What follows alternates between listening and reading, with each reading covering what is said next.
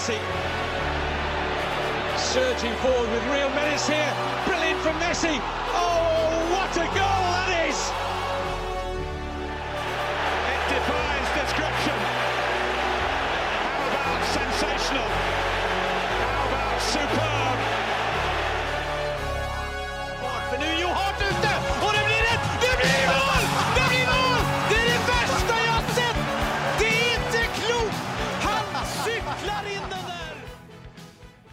Ja da!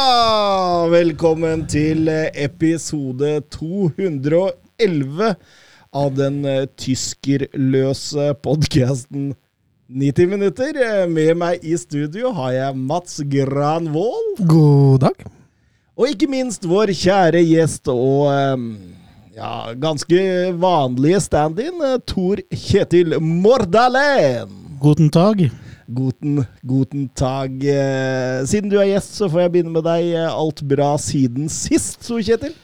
Alt eh, er helt fortreffelig siden sist. Hatt en fantastisk sommer med masse regn. Du dro ikke til utland? Nei da, jeg dro rett til Dyreparken. Møtte du på flom, da? Nei, jeg møtte, møtte ikke på noen flom, heldigvis. Nei. nei. Det har vært litt, vært litt, vært litt vann da, rundt omkring. Våte tider, Mats. Ja, er ikke vi veldig berørt, altså. Vi, vi får jo prise oss lykkelige for det. Men eh, ja, Nittelva har vært svær, han har det. Så den sitteplassen der nede, den har det ikke vært mulig å sitte på, i hvert fall.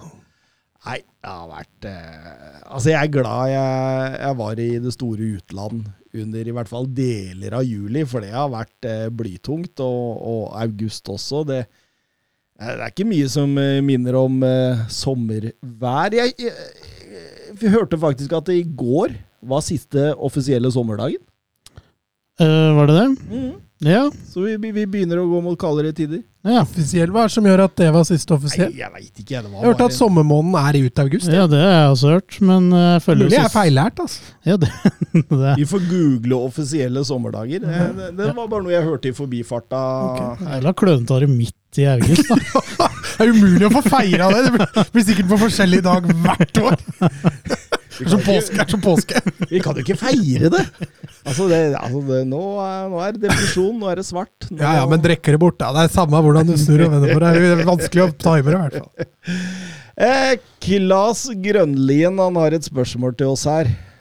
Søren har ikke meldt permanent overgang til fotball-TV, vel? Dere må sørge for å få han inn på langtidskontrakt. Ja, Chelsea-style. Ja, åtte års.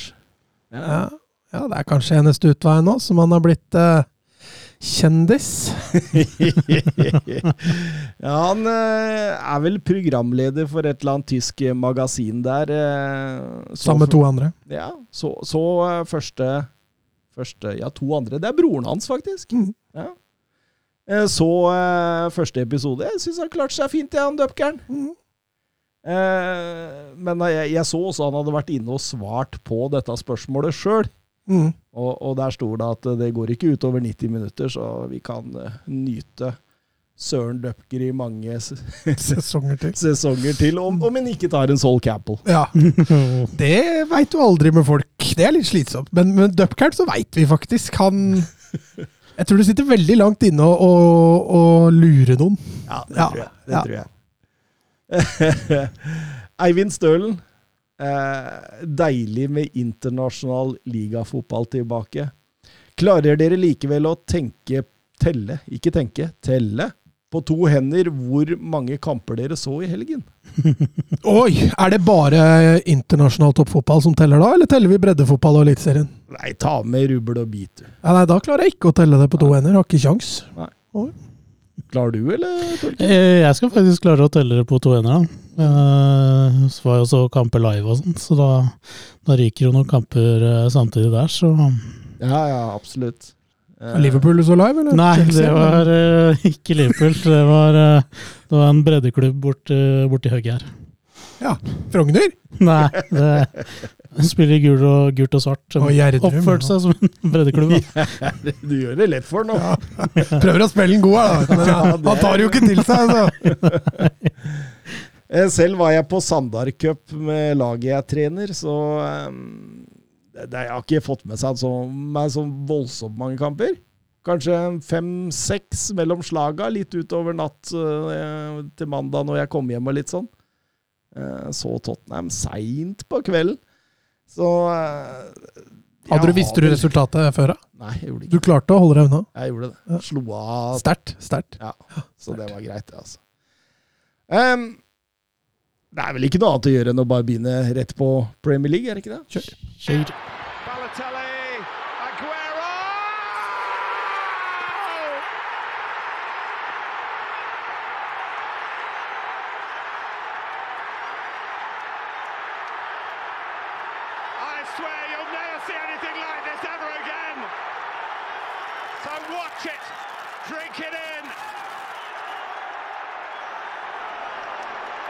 Ja, Winston Company han kunne vel ikke fått en eh, tøffere Premier League-debut som eh, trener enn å få Brauten på besøk? Det må i så fall vært å dratt på besøk da, til Brauten, men eh, nei. Forutsetningene her var blytunge for, for sportslig suksess. Det blei lagt voldsomt opp til at Burnley hadde hatt en lengre oppkjøring. de skulle ha litt friskere bein i gåseøyne. Kan godt hende de hadde det, men kvaliteten i laga den, den var rett og slett altfor stor. For Erling Braut Haaland, han fillerister dem. Ja, han trenger bare fire minutter, han. Etter å nærmest blitt avskrevet i Community Shield, så, så. Men Det ble han i fjor òg! Jeg husker til og med jeg var en av de som avskrev han i Community Shield. så, så var han back in business og gjorde Haaland-ting, så så to, to goller ganske kjapt der, så, så, var jo, så var det jo satt, da. Og mm, det skal jo være kvalitetsforskjell på de lagene her også, da, når man ser på lagoppstillingene. 0-2-gålen. Det er klasse. Ja da.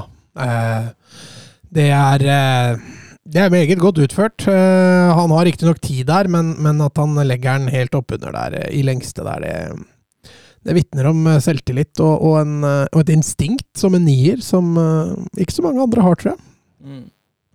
Og det blei jo en kontrollert seier, dette her. Rodri setter 0-3 i annen omgang og sånt. Men, men Kevin De Brøne hinker av med skade. Hva kan det ha å si for dem? Nei, det er jo motoren da, i laget som, som forsvinner litt, men, men City har jo de har jo gode spillere å ta av som kan komme inn, så jeg tror ikke sånn For lagets del så er man vel ikke så, så bekymra, selv om selvfølgelig De Bruyne vil være tap for ethvert lag. da. Men de er så gode uansett at det skal mye til for at det er tellende. Er det det?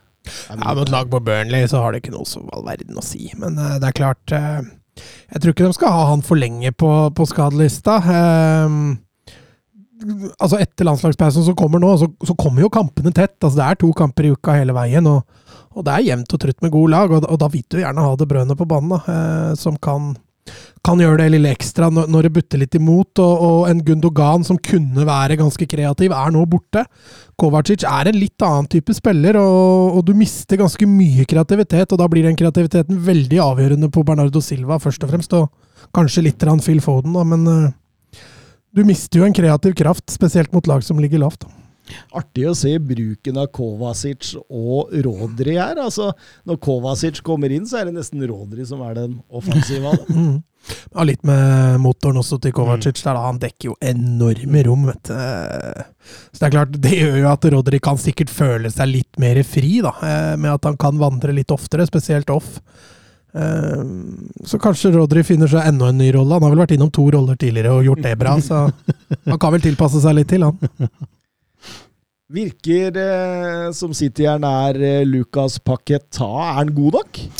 Ikke for den prisen det snakkes om, så vil jeg ikke si at han er god nok. Og eh, ikke liksom jeg, Da føler jeg at det blir litt sånn Calvin Phillips-land, da. Det blir en squad player fort, men det er klart hvis De Bruyne er mye skada og lenge skada, så har han en rolle å spille, da.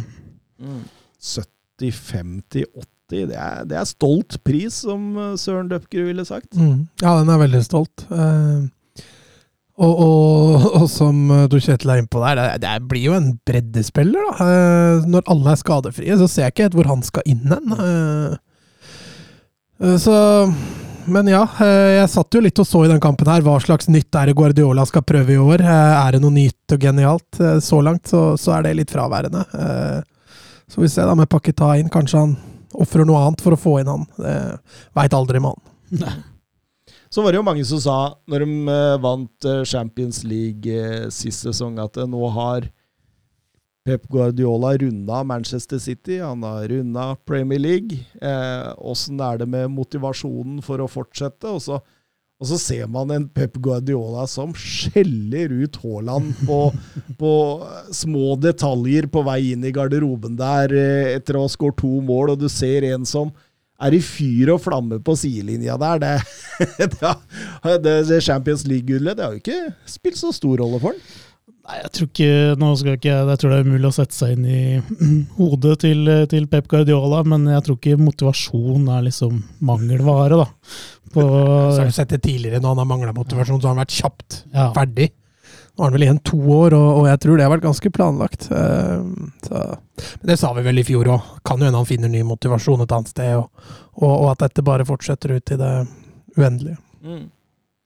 Jonathan Hobber spør hvor mange mål det skårer Haaland i Premier League denne sesongen.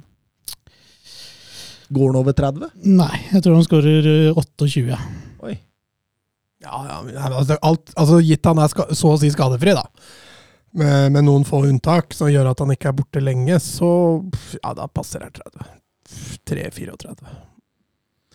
Det er godt. Vi går over til uh, tittelkonkurrenten, som mange melder på forhånd. Arsenal uh, de hadde Nottingham Forest på hjemmebane, og det blei jo et kampforløp som man egentlig forventa. Et Nottingham Forest som ligger tilbake og skal ta kontringene lynhurtig, et Arsenal-lag som spiller og spiller og spiller og spiller og spiller, men var veldig lite sjanser de egentlig produserte før disse to måla kom på, på kort tid. Ja.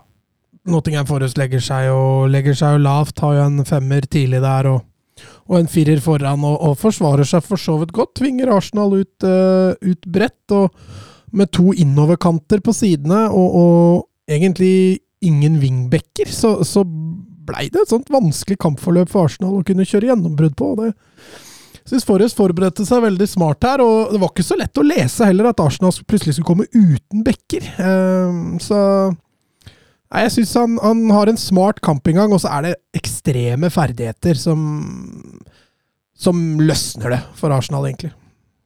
Ja, eh, det er jo Enketia som setter 1-0 der etter et nydelig forarbeid, og, og 2-0 er jo det er jo knapt nok en målsjanse når Saka klinker med venstre beinet opp i lengste der. Det.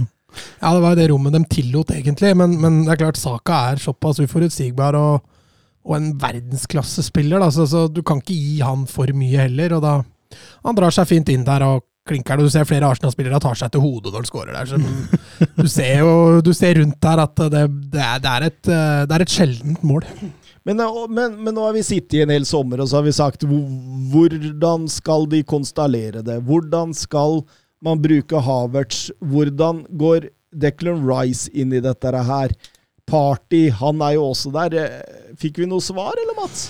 Ja, ja, ja altså eh, Som jeg sa, de spiller jo uten backer her. De spiller med en treer bak i, i White, Saliba og Jurien Timber. Eh, og så spiller Party og Rice litt friere på sentral rolle. Så Ødegaard litt fri rolle som playmaker ut høyre, og Havertz litt fri rolle som playmaker ut venstre. Og så er Saka, Ketia og Martinelli i kjente roller. Og, veldig Manchester City, eller? Eh, veldig, veldig. Og det snakka vi jo litt om òg tidlig, at eh, forskjellen her er jo det at eh, Party går jo veldig dypt når de ligger lavt, noe som gjør at White går ut som en kjent høyreback, og så går de over til en treer på midten. Eh, jeg mot, svakere lag så er jo dette en veldig interessant og artig inngang. Eh, fordi du, du, får veldig mye mer offensiv kvalitet. Men det skal bli veldig spennende å se om han tør å spille sånn her mot gode lag. Bedre lag. Godere det er ikke noe som heter det. Det er deilig norsk. det er deilig norsk. Eh, så det blir spennende å se om han tør dette mot Liverpool, f.eks. Mot City, mot lag som kan kjøre hurtig angrep. Da, for da, da, da er jeg den blir tatt i ordentlig ubalanse i perioder. Altså. Mm. Men det er jo et Nottingham Forest som spiser seg litt inn i det, og, og med flaks, så kan de jo faktisk ta poeng her. Ja da, og Nottingham Forest eh, de, de fortsetter jo liksom litt sånn Jeg tror Cooper fant liksom nøkkelen i fjor, hvor, hvor de ligger lavt. og så og så vil de jo selvfølgelig få, få mål på seg, men de, de, får jo selvfølgelig litt blod på tann da med slutten med Avon, hvordan uttaler man Avonini? Avonyomi? Avoini. Ja. Avoini er det ikke noe? Avoini. Avoni, er ikke det vi har sagt? da? Avoni. Ja. Avoini. Vi bare kaller han Taivo. Ja. Og Ja, men Han kunne jo også tatt ledelsen der. Det er jo en gigantsjanse han får der, Johnson, når han eh, litt heldig blir eh, spilt gjennom der. Og, og det er en forferdelig svak avslutning. Vi får uh, sette den på rustenkontoen. ja, men han er ikke noe, jeg syns ikke han er noe spiss, altså. Johnson. Nei, han er Best sånn- på vingen. Man er ideell når Nottingham skal spille som de gjør nå. Jo ja. For da får de hele tida bakgrunn. De har hele tida bakgrunnstrussel. da. Syns jeg Elanga faktisk var bra. Ja, han var frisk. Jeg er helt enig. Em, Arteta sa at eh, Arsenal fortjente seieren med at de gjorde det unødvendig spennende ved å ikke drepe matchen, men de hadde jo ikke nok sjanser til å drepe denne matchen. De har en XG på 0,83. Da skaper man ikke nok for tre mål, altså.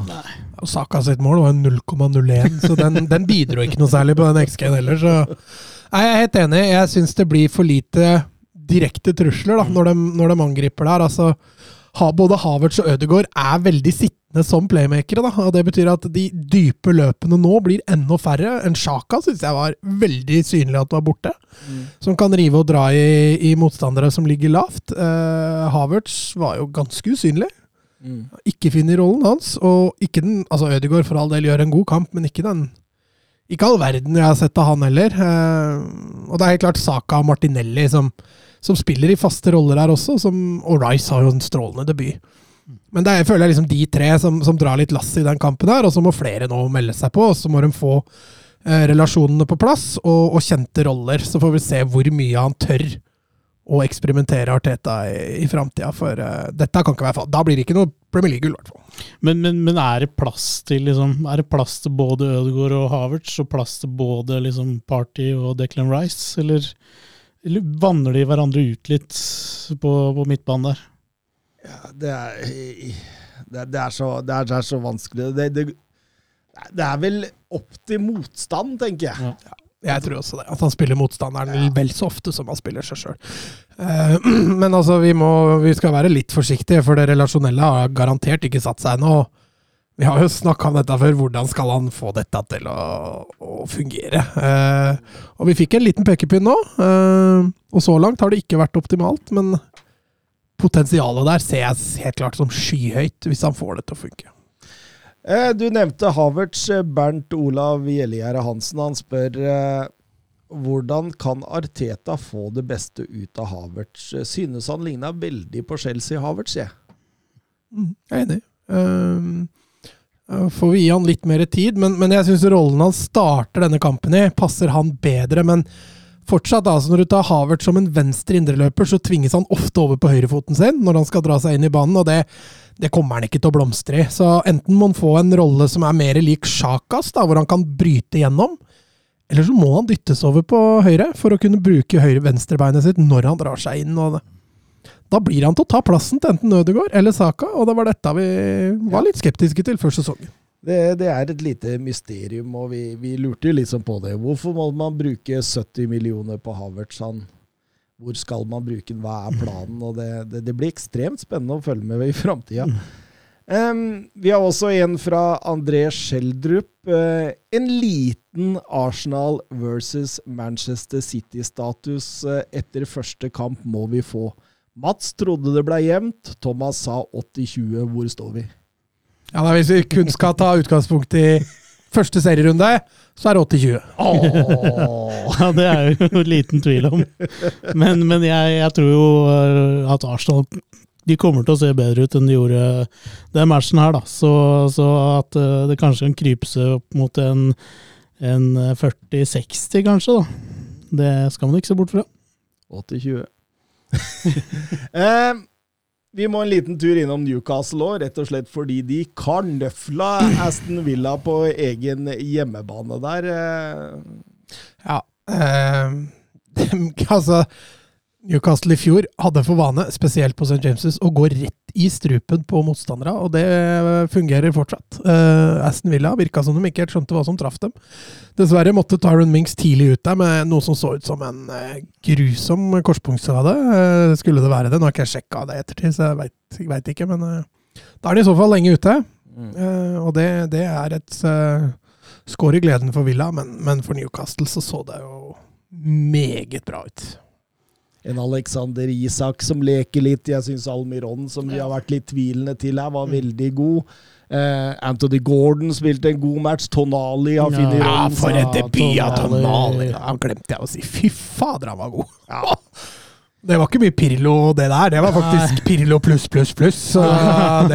Litt Frank Lampard ja. i det 1-0-målet hans der òg.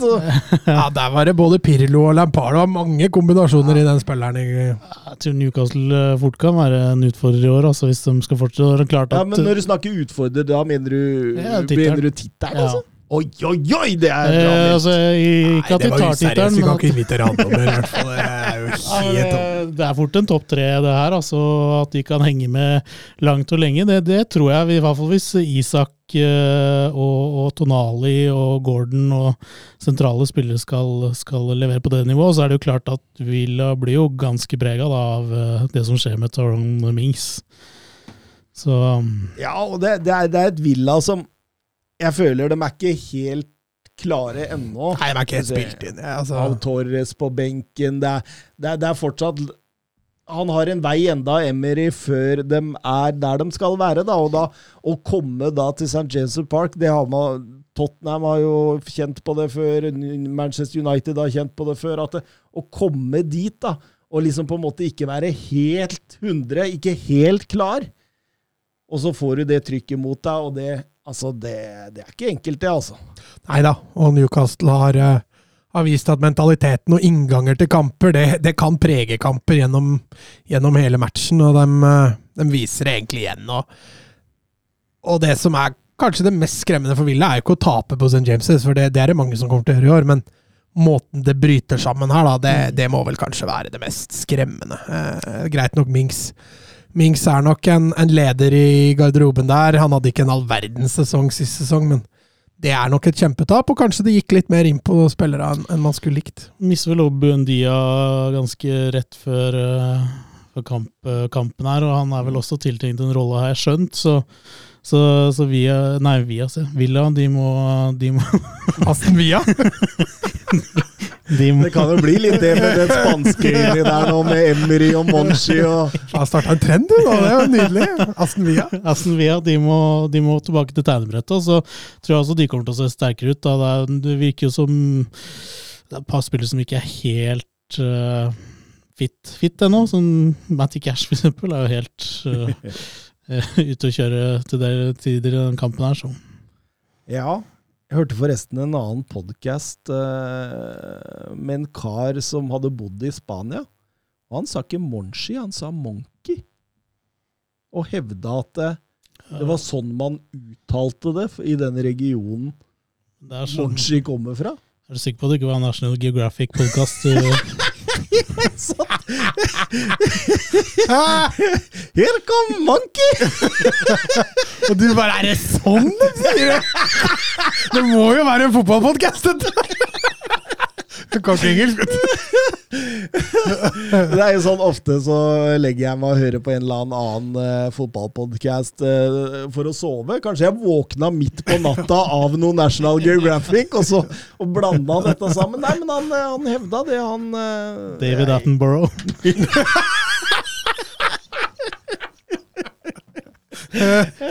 Nei, det, det, skal jeg skjenke opp om det er Monkey. Skjenke opp. Ja, ja.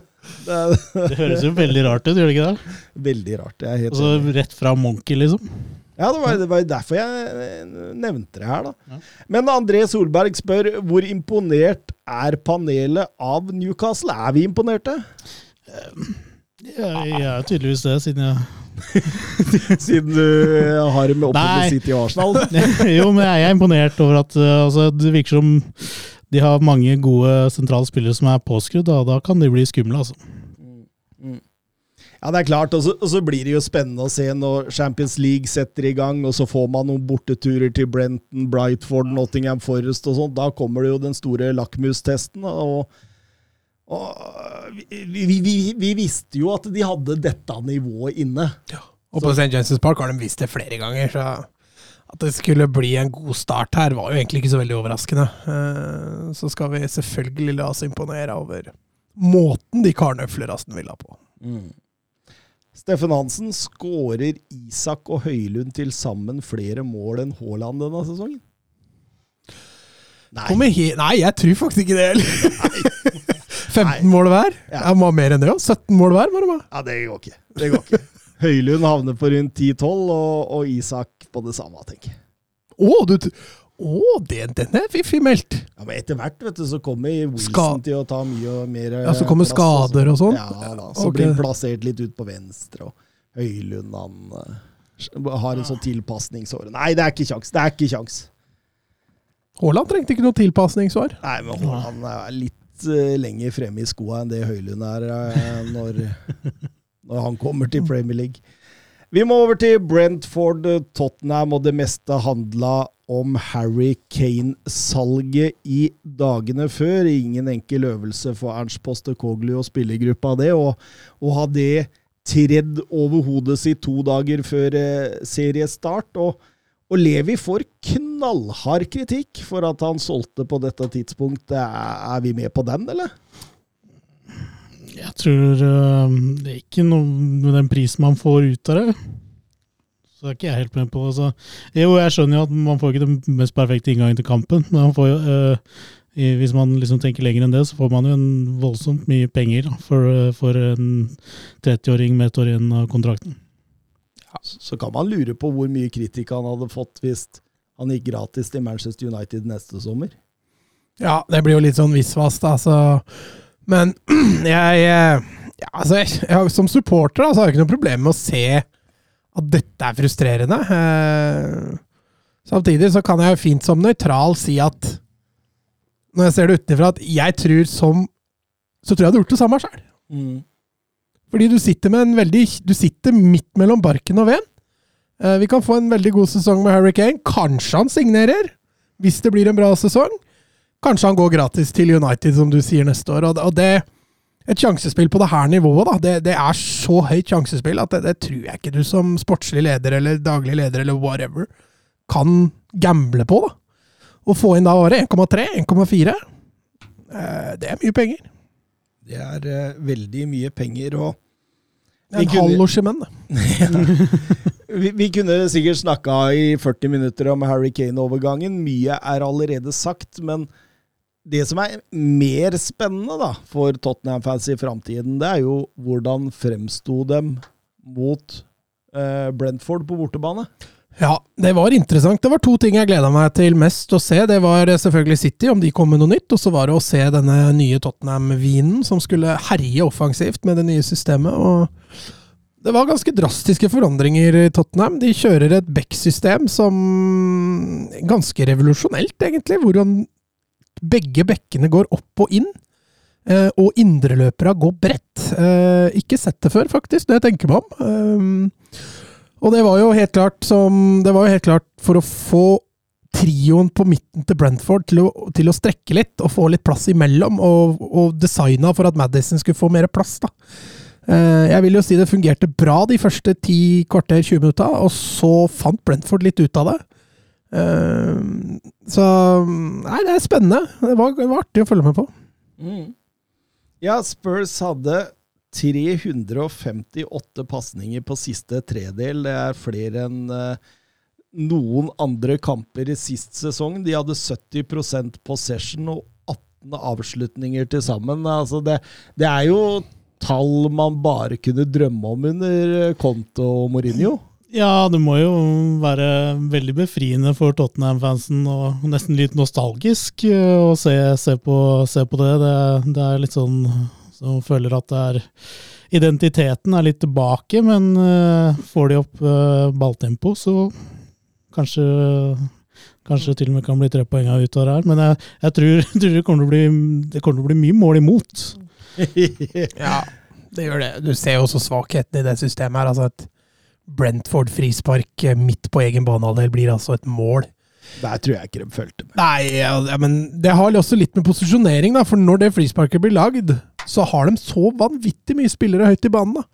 Eh, Det er klart en omstillingsfase der hvor det må gå fortere. eh, Kunne ha redda det, selvfølgelig, men det tillater jo mye rom defensivt. da, og Der, ser du jo litt av svakheten med dette systemet. og, og du kan si mye bra om Emerson offensivt, altså, men, men når han får folk rundt seg på alle kanter, så, så ser du også at han sliter med å orientere seg. altså. Men uh, to dare is to do, det var det som skulle tilbake i manesjen nå. Vi skulle spille offensivt angrepsfotball, man skulle begeistre, man skulle underholde. Eh, klarte han det?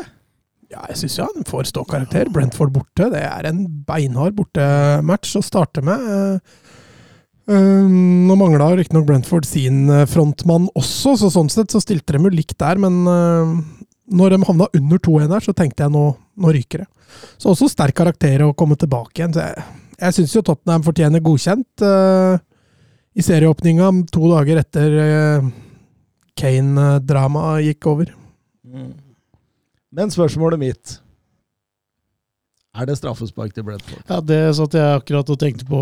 Mm. Er den clear and obvious? Er det sånn at VAR skal gå inn der og si Dommer, der gjorde du en klar feil.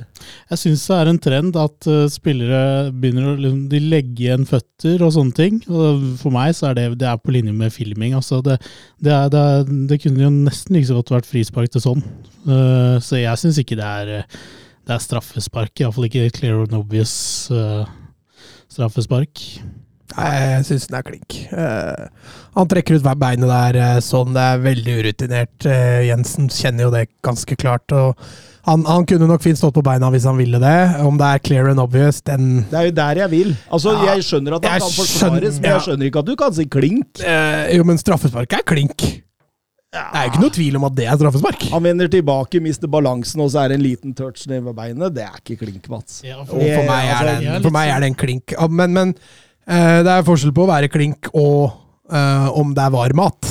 Det kan jeg godt være med en diskusjon på at det er, er, er Men uh, jeg syns den er grei. Så, sånn, skal, så, så, sånn må jo være tett oppi der, på en måte. Altså, du kan, Ja, kan han altså- forsvare seg på noen annen måte? Ja, han, er ikke, han, han tar jo beinet på Jensen. Han er jo ikke borti ball. Nei, det da er ikke han, er, han er borti beinet, eh, helt klart, men da har allerede Jensen gått helt ut av balanse. Og det er det jeg mener, at det er så light contact. da. At det, det Altså, enhver dommer bør skjønne at det der, skal, der faller man ikke, rett og slett. Han faller fordi han er i ubalanse, og så vil han falle. Ja, altså han, han kaster seg jo ned når han f- kjenner kakket på, Ja, ja. på leggen. Det, det er jeg helt enig med deg i, men eh, Når jeg så den i reprise, tenkte jeg umiddelbart at jo, her blir straffe. Ja, jeg jo tenkte det når han gikk til VAR, men spørsmålet mitt er Ja, når- er det jeg- VAR-mat? Når Jensen spiller ut ballen sjøl her, det var litt humor, da. Han ville bare ha det avklart. Eh, men eh, når han gjør det der, eh, og VAR begynner å Da, da skjønner jeg at jo, den er, den er grei. Eh, er forresten en dommer der som Han var litt urutt. Det var mye gule kort der. Så ut som han spilte Jo, men jeg syns de reglene der er jækla fine! Tenk hvor mye bra Premier League kommer til å bli nå! Ja, Vi fikk jo et spørsmål om det som jeg har egentlig lagt okay. helt til slutt. Men jeg kan, jeg, vi kan jo kjøre det nå. Eivind Stølen diskuterer de nye reglene for kort. Championship fikk, eh, I Championship fikk Rotterdam Rotterdam. Rotherham Wow. eh, Freds eh, Onyendima Skjønner dette er en liga jeg ikke følger så mye med på. Eh, gult kort for å feire etter å ha satt 2-0 mot Blackburn. Rett etterpå så felles han, og han ber om gult kort til motstanderen. Blir isteden selv utvist for å vise eh, Simultere da et gult kort. Hyller det. Nå så ikke jeg, nå, jeg feiringa, men altså, han fikk gult kort for å feire. Ja, han stakk stikke huet inn i publikum og litt sånne ting. Så Ah, jeg. ok. Jeg skjønner han provoserer. Ja, nei, jeg er helt enig med Mats. Jeg ass, skal man få, få bort det der eh, Få, Det var en få på- det bort. Chelsea også, som fikk gult nå for å gestikulere gult kort. Ja. Hvem var det? Ja, var det ikke McAllister mot Chelsea? McAllister var det, ja. Stemmer det. McAllister var det. Han Så- var også veldig forundrende til det kortet. Ja, Jo, men, men dette får man bort i løpet av Ja, to-tre runder, hvis de holder Ja, dette gående. For mange så tror jeg det bare er refleksen er Ja. innøvd, ikke sant? Så, så, må, så får man det bort. Og det, det ødelegger ikke spillet i det hele tatt, for Nei, si for jeg sånn. satt jo og switcha litt mellom La Liga og Premier League, og det var mye mer behagelig å Mm. Premier League, hvor du da ikke fikk alle disse spillere opp i trynet på dommeren Ja. på hver avgjørelse. Og det er klart, Nå tenker jeg ikke Taffe Barca, da, som var ekstrem, men eh, eh, du ser Premier League nå, liksom. Etter Charity Shield så tror jeg også folk allerede der begynte å skjønne at oi. Og så kommer det masse tillegg. Helt nydelig. Men om 50 minutter nå så starter Manchester United Wolverhampton. Der har vi en mann med navn Bruno Fernandes. Tror du han får gult kort for et eller annet? er det det du Er det dit du vil? Det kan, det, kan, men det, men det, kan, det kan fort bli eh, Det kan fort bli noen ekstra røde kort da, i denne sesongen. her. Du bare ser det Ja, men det er bare i starten. Ja da, det, det kommer til å bli borte. Det er klart, De kommer jo aldri til å klare å innføre det her i Serie A og sånn, men det, Nei, for det, Klopp var også fin. Han legger seg ned og holder seg til munnen. Liksom. jo, men det er jo sånn det må starte. Det må jo starte et sted.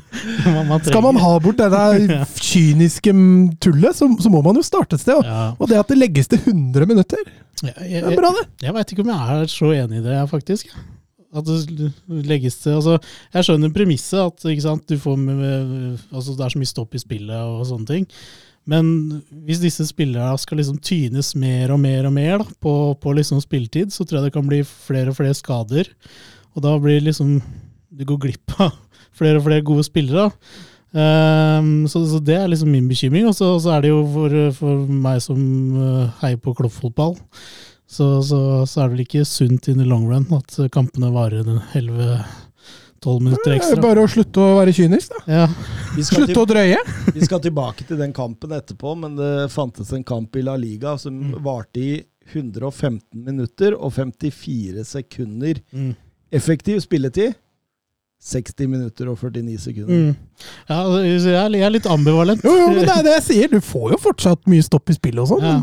Altså, det er bare gull med mer fotball, og sånn, men jeg, jeg kjenner at jeg, jeg er ikke sånn, jeg hopper ikke helt på det, det ekstra tilleggsminuttertoget da, som alle andre. Skal se en Champions League-kamp, så må du døgne. Det det Det blir vanskeligere og vanskeligere å argumentere for at du skal se på fotball hjemme. Fredrik Konradsen, taktisk. Hva tenker dere om Postecoglou og det han har fått til i Tottenham? Har Spurs-fansen noe å glede seg til? Selv er jeg ekstremt imponert over å ha fått til dette på så kort tid. Hva tenker du, Mats? Nei, jeg skjønner hva han mener. Eh, Jeg eh, må si jeg er imponert sjøl, for du, du må snu en hel mental, eh, mentaliteten i en garderobe, da, som går fra det at forsvaret er det viktigste, kom til at det å angripe er det viktigste, og det, det kan ta litt tid å snu om den mentaliteten. Var litt innpå det sist, dette med at bekkene blir vanvittig høye og sentrale. Eh, Kantene blir veldig breie. Jeg syns Kjernås er innpå noe, noe vesentlig der som skal bli veldig spennende å følge utover, og det er at kantene til Tottenham er veldig langt unna mål. Eh, og nå skal det jo sies at Emerson rettferdiggjorde det med en scoring, men jeg tror ikke vi får veldig mange mål fra Eimerson utover sesongen. Eh, I beste fall en fem-seks, kanskje. Mens sånn Kulusevski, det er jo der måla også må komme. Mm, ja, Og hvis du da skal ha de så langt ute, så lenge i etablert angrep, så, så kan det bli en utfordring. Men for sånn ser litt ukomfortabel ut. Uh, ja, han får ikke noe overlapp overlap heller. Han blir der ute, han blir veldig isolert. Eh, Får lite rom da mot Mm. Ja. Brentford, så Jo, ja, de spiller med en femmer, så Men uh, du vil jo helst ha sånn Kulusevski så nærme mål som Mm. mulig, da, når du møter såpass lavtliggende lag. og eh, er Kanskje der han bommer litt, uh, Postekoglu, når han eh, setter opp uh, kampplanen her, men uh, offensive mentaliteten i det Tottenham gjør nå, det er jo mye artigere enn det vi har sett de siste to, tre, fire åra. Men, men er det gitt at sånn skal spille kant, da? Kan han, altså, nå skjønner jeg at du har Richarlison der, så du skal gi han sjansen, men kunne sånn vært ja da. midtspiss, for eksempel? Hadde det kledd han bedre? Det, det kan selvfølgelig være. Eh, men jeg tror nok Rikarlisson får sin andel sjanser nå framover. Mm. Eh, og det, det, det er jo selvfølgelig fortjent, og det må han få. Eh, det er litt artig med Emerson, som er eh, Altså, vi har vi driver med disse hybridene av en midtstopper og en defensiv midt, en høyrebekk og en indreløper, men her ser vi jo faktisk nesten hybriden av en høyrebekk og et tier.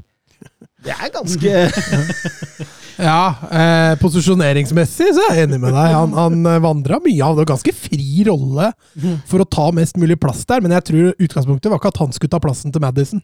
Nei, for Odoji skulle holde mer venstre. Ja, Odoji skulle være litt breiere for å kunne lure høyre indreløper til Brentford bredere. Um, han også imponerte veldig defensivt, altså, han Udodji, det må jeg si. Um, og så skal nok Emerson i utgangspunktet være der for å manipulere midtbanen, og for å gi plass til Madison. Uh, så får vi se hvordan dette ser ut når man møter firebeckslinje, for det er jo tross alt en del av de også i Premier League, og hvordan man håndterer det. Så tror jeg Postekoglu er kanskje sin altså, En ting er det taktiske, jeg skal ikke si jeg har fulgt liksom han tett og sett masse Celtic og sånn, men, Og masse J-league. men jeg tror jo at han er veldig god med spillerne, da, og, og den motivasjonsbiten føler jeg liksom at uh, Han virker som han liksom sier veldig mye fornuftige ting da, som treffer liksom hjertet til både spillere og, og fans. Og så er han vel brukbar i engelsk, er han ikke? Jo da, jo da. Det er australier, er det ikke det? Ja, men de prater ikke engelsk, tror jeg. Simen Ervik, Australsk prater de der. imponert over det postet kul, kul, kul. Fikk, Ja, det enig. Fra nå av døper vi bare om til det, for det. jeg syns han treffer spikeren rett på huet der. fikk til i eh, første tellende kamp. Han ble vel døpt Ante Postmann, tror jeg, på Twitter her. Men, men, men kan sesongen hans være litt som førstesesongen til Klopp, sier han altså da med varierende Ja, det kan jo selvfølgelig eh, altså, eh, Ja, det kommer han til å bli òg. Ja, du kan kommer til å trenge tid. Og det, Hva var det Klopp fikk? Sjetteplass? Ja, det var, han tok jo han over litt sånn uh, Han tok over byggeprosjekt. Ja, mer enn det òg. det, det, var, det var muggen, eh, muggen treverk, som vi kalte det for, for en stund siden. Så, men, så, det, mm, så han trenger jo tid, og spillerne trenger sikkert litt tid til til å komme inn i, inn i systemet og sånn. Så Men, men, da Klopp, men da Klopp tok over, var ikke det bare et par sesonger etter at Brendan Rodgers kjempa om gula? jo, det var ikke, det var ikke noe med å prøve å huske, huske tilbake, men det, det Var det i 2015? Saco spilte stopper i første kampen hans, i hvert fall. Ja. Det er rått. Så han, han, han tok over et, eh, et lag som var uh, ute og, og sykle ordentlig. Da. Suárez var borte og Ja, ja. ja. Så da, ja. Det, og Brennan Rogers uh, var jo eh, en befrielse, nesten, når han kom, ikke sant? For det hadde jo vært uh, noen tider før der òg. Og så er det fortsatt utskiftninger som må på plass. Altså Når Romero må det, er, altså, det var maks uflaks at det var han som måtte ut. eh, Han var dizzy. Ja, og for all del, jeg forstår at han gikk ut, det var ikke noe med det, men uh, altså Sanchez kommer inn, og du ser kvaliteten detter med en gang, og det sier litt om bredden Tottenham har, da. Uh, jeg tror ikke Høibjerg kom inn heller.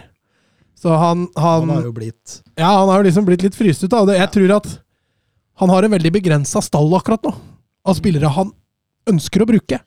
Eh, til og med Lo Celso ble sittende på benken. Porro ble sittende på benken.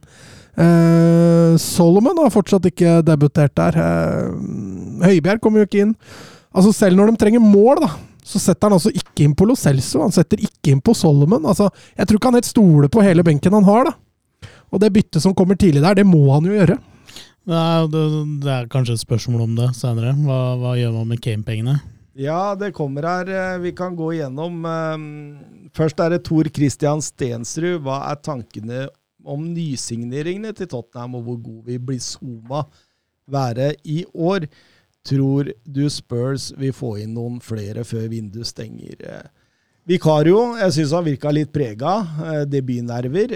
Ellers er han en habil keeper, han, så jeg tror ikke det skal være det helt store problemet. Van de Ven, uflaks på 2-1-målet, men spiller en bunnsolid kamp utenom det. Odorji jeg er allerede blitt en liten Odorji-fan. Jeg er god begge veier. Veldig hurtig, veldig sterk, fysisk bra. Eh, Madison, det er jo spilleren Tottenham har behøvd i siden Eriksen dro. Eh, så Han ble litt anonym denne kampen, men det ble liksom ja, men likevel så kommer han ut fra det med to assist, altså. Ja. Det er ganske heftig når du har blitt Den andre assisten der blir han jo snubla bort. Og den, og den første assisten er en dødball, så jeg føler liksom ikke det har så mye med spill å gjøre. Men eh, jeg, synes, jeg tror at han kommer til å gnistre voldsomt. Eh, men Brentford er liksom den kampen som kanskje er vanskeligst for han å gnistre. Westham borte blir kanskje den nest vanskeligste. Så det er liksom de type, Jeg er ikke så redd for at Madison ikke blir bra. altså. Ser jo ut som han er totalt revitalisert fra i fjor. Virker mye tryggere med ball, eksempel. Jeg er imponert over Van de Ven, altså. Mm. han har vel trena to økter eller noe sånt med laget før han ble kasta innpå her, så og går inn og viser ganske autoritet fra første stund. Han er fortsatt ganske urutinert sånn aldersmessig. Eh, men du ser også at han stoler veldig på farta si. så det skal bli spennende å se når disse raske bakromsspillene kommer, og se åssen han håndterer det. Men jeg syns han har en sånn aura som gjør at jeg, jeg, jeg, kan se for meg at han kan gjøre det i Tottenham som Båtmann har gjort i Newcastle, og som eh, Saliba har gjort i Arsenal. På en måte at man man har liksom en aura over seg. At det her eh, Skape trygghet bak, ja, liksom. Det, rett og slett trygghet. Ja. At han, eh, og jeg skjønner jo veldig godt når du ser kampen i går, at Poster Koglu har ligget i langflat etter den pga. den farta. For du ser når han setter opp speeden der, mm. Så er han jo Det er ikke så mange spisser som kommer til å løpe for han, tror jeg. Um, Jørn Henland eh, spør oss, uh, han har vært i studio her noen ganger, han. Uh, bør Tottenham få inn en ny spiss? Er det godt nok med Rikarlison? Selv om han ikke har levert i Tottenham enn så lenge. Kan det være at han ved å være nummer én på spissplassen klarer å levere akseptabelt nok igjen? Han er jo tross alt en brasiliansk landslagsspiller. Jeg tror Tottenham sitter litt ved en sånn vanskelig situasjon nå, fordi skal de hente inn en klink backup, eller skal de hente inn en som utfordrer Richarlison? Eh, en mulig vei å gå her er det at backupen til Richarlison Nå har de vel henta en ung argentiner eh, som kan fungere, og som Torkjetil er inne på, Son kan spille nier. Så det er ikke noe must å måtte hente noe nå, men det de kan ha, er en klar plan B, hvor de kan forsøke å hente i januar. Hvis Richarlison ikke slår gjennom. Samtidig så ser jeg helt klart risikoen ved å gå inn i sesongen med én klar nier. Altså. Jeg ser den risikoen. Og så tror jeg spillestilen jeg tror, ikke, jeg tror, ikke, problemet til Tottenham i år blir mål. Det, jeg tror det er eh, andre steder hvor utfordringene kan komme, da. Det er jeg for så vidt enig i. Det spekuleres i om eh, Gift Orban uh, virker liksom som den sånn klare nå kan komme inn. Det snakkes litt om Dusan Vlaovic, litt om Nei, jeg melder Gift Orban. Men ja. ja. Jeg melder det. Ja. Jeg kan, kan melde det. Ganske. Det hadde vært litt kult. Jeg tror det skjer. Mm. Eh, og, og, og, det er vel kanskje der eh, Kane-penga vil gå, og så vil nok noe av det gå i, i lomma til Joe Louis, og så ja. så lønner det seg å være venn med Joe Louis i disse dager. Altså. Ja, men jeg tror de har brukt noe av Kane-penga allerede da, på van de Ven nå. Mm. Jeg tror det. Um, det spiltes en storkamp på, på Stamford Bridge også. Chelsea mot uh, Liverpool. Uh, Liverpool i dagene i forkant ble nærmest gjort narr av når Klopp satt og snakka om det nye kjøpet Caicedo. Åssen føltes det som Liverpool-supporter, eh, Tor Kjetil? Det er jo opp og ned. Eh, det... Han, er, han er nå bekrefta til Chelsea, ja. bare, så det, bare, så det, er sagt. Det og nå ryker Lavia over til Liverpool, Nei, jeg håper Chelsea. Han Til Chelsea? Fy faen! Jeg håper Chelsea betaler uh, den medisinske testen. Uh, som han omtrent uh, gjennomførte i Liverpool. Uh, altså, han har allerede gjennomført den i Liverpool, altså. så Chelsea slapp, slapp unna der òg! Snakk om å ta rotta på Liverpool, da! Ja. Det, det, er jo nesten som om Chelsea kødder med Liverpool. Ja. ja, men hva skal de med alle disse? Altså, altså Betale den prisen for noe, men det, det er det, liksom Uh, oi, kjedelig at den ikke kom, men jeg er litt glad for at man ikke svir av over 100, 100 mil på Caicedo. Han er god for all del, og, og Liverpool trenger en uh, defensiv uh, midtbanespiller for all del, men, men, til den prisen, da hadde jeg heller tatt en Bellingham i juni, altså. Men hvordan kan ja, Chelsea slippe unna med dette? Det er jo åtteårskontrakter å skrive under eh, på lange, lange budsjetter, hvor eh, summen ja, fordeles i øst og vest, og ja, det er jo Åssen kan Brighton gå med på dette? Ja, si det. Fast, Chelsea blir hovedsponsor de neste åtte åra. Har Chelsea på brystet. Chelsea over brystet. Men, eh, men han er jo inne på det her, han eh, Vegard Kjølmoen Stelen, eller Steien er det vel kanskje. Eh, hvem bør Liverpool hente nå som både Caicedo og Lavia drar til Chelsea? Jakten på en sekser har jo blitt et lite mareritt, sier han. Ja, det, det er et godt spørsmål. Uh, for det det er Du må ha kvalitet i den. Altså Hvis Liverpool skal være en utfordrer i år, så må de ha, de må ha topp toppklasse. Altså de må ha prime Fabinho. Uh, og nå, nå, det, nå er det riktignok noen år siden sist, da, så, så, så man kan ikke gå for noe ungt og utviklende heller. Og da er det, det er få å ta. Jeg, jeg, jeg kommer liksom ikke, jeg klarer ikke å ta noen fra toppen av hodet. som Da har jeg én, jeg. Ja. Martin Subimendi i Real Sociedad. ja, Det hadde nesten vært litt sånn romantisk å trekke i tråder mot Sabi Sabia, Alonso. det, sånn, sånn. det varmer selvfølgelig. Det varmer. Så, nei, vi har prøvd å sjekke litt hva, hva finnes liksom av gode DM. Og det finnes, så skjønt, så det kan sikkert Det finnes veldig mange unge talenter, men det er ikke det, er ikke det Liverpool må hente da, inn på den plassen nå. Nei, og da, da, da blir det Subimendi, for ellers er stort sett alt tatt. Ja. Altså. Og jeg kan si at han blir ikke billig, han heller. Han var utkjøpsklausulen her, er ikke rundt 80? Jo.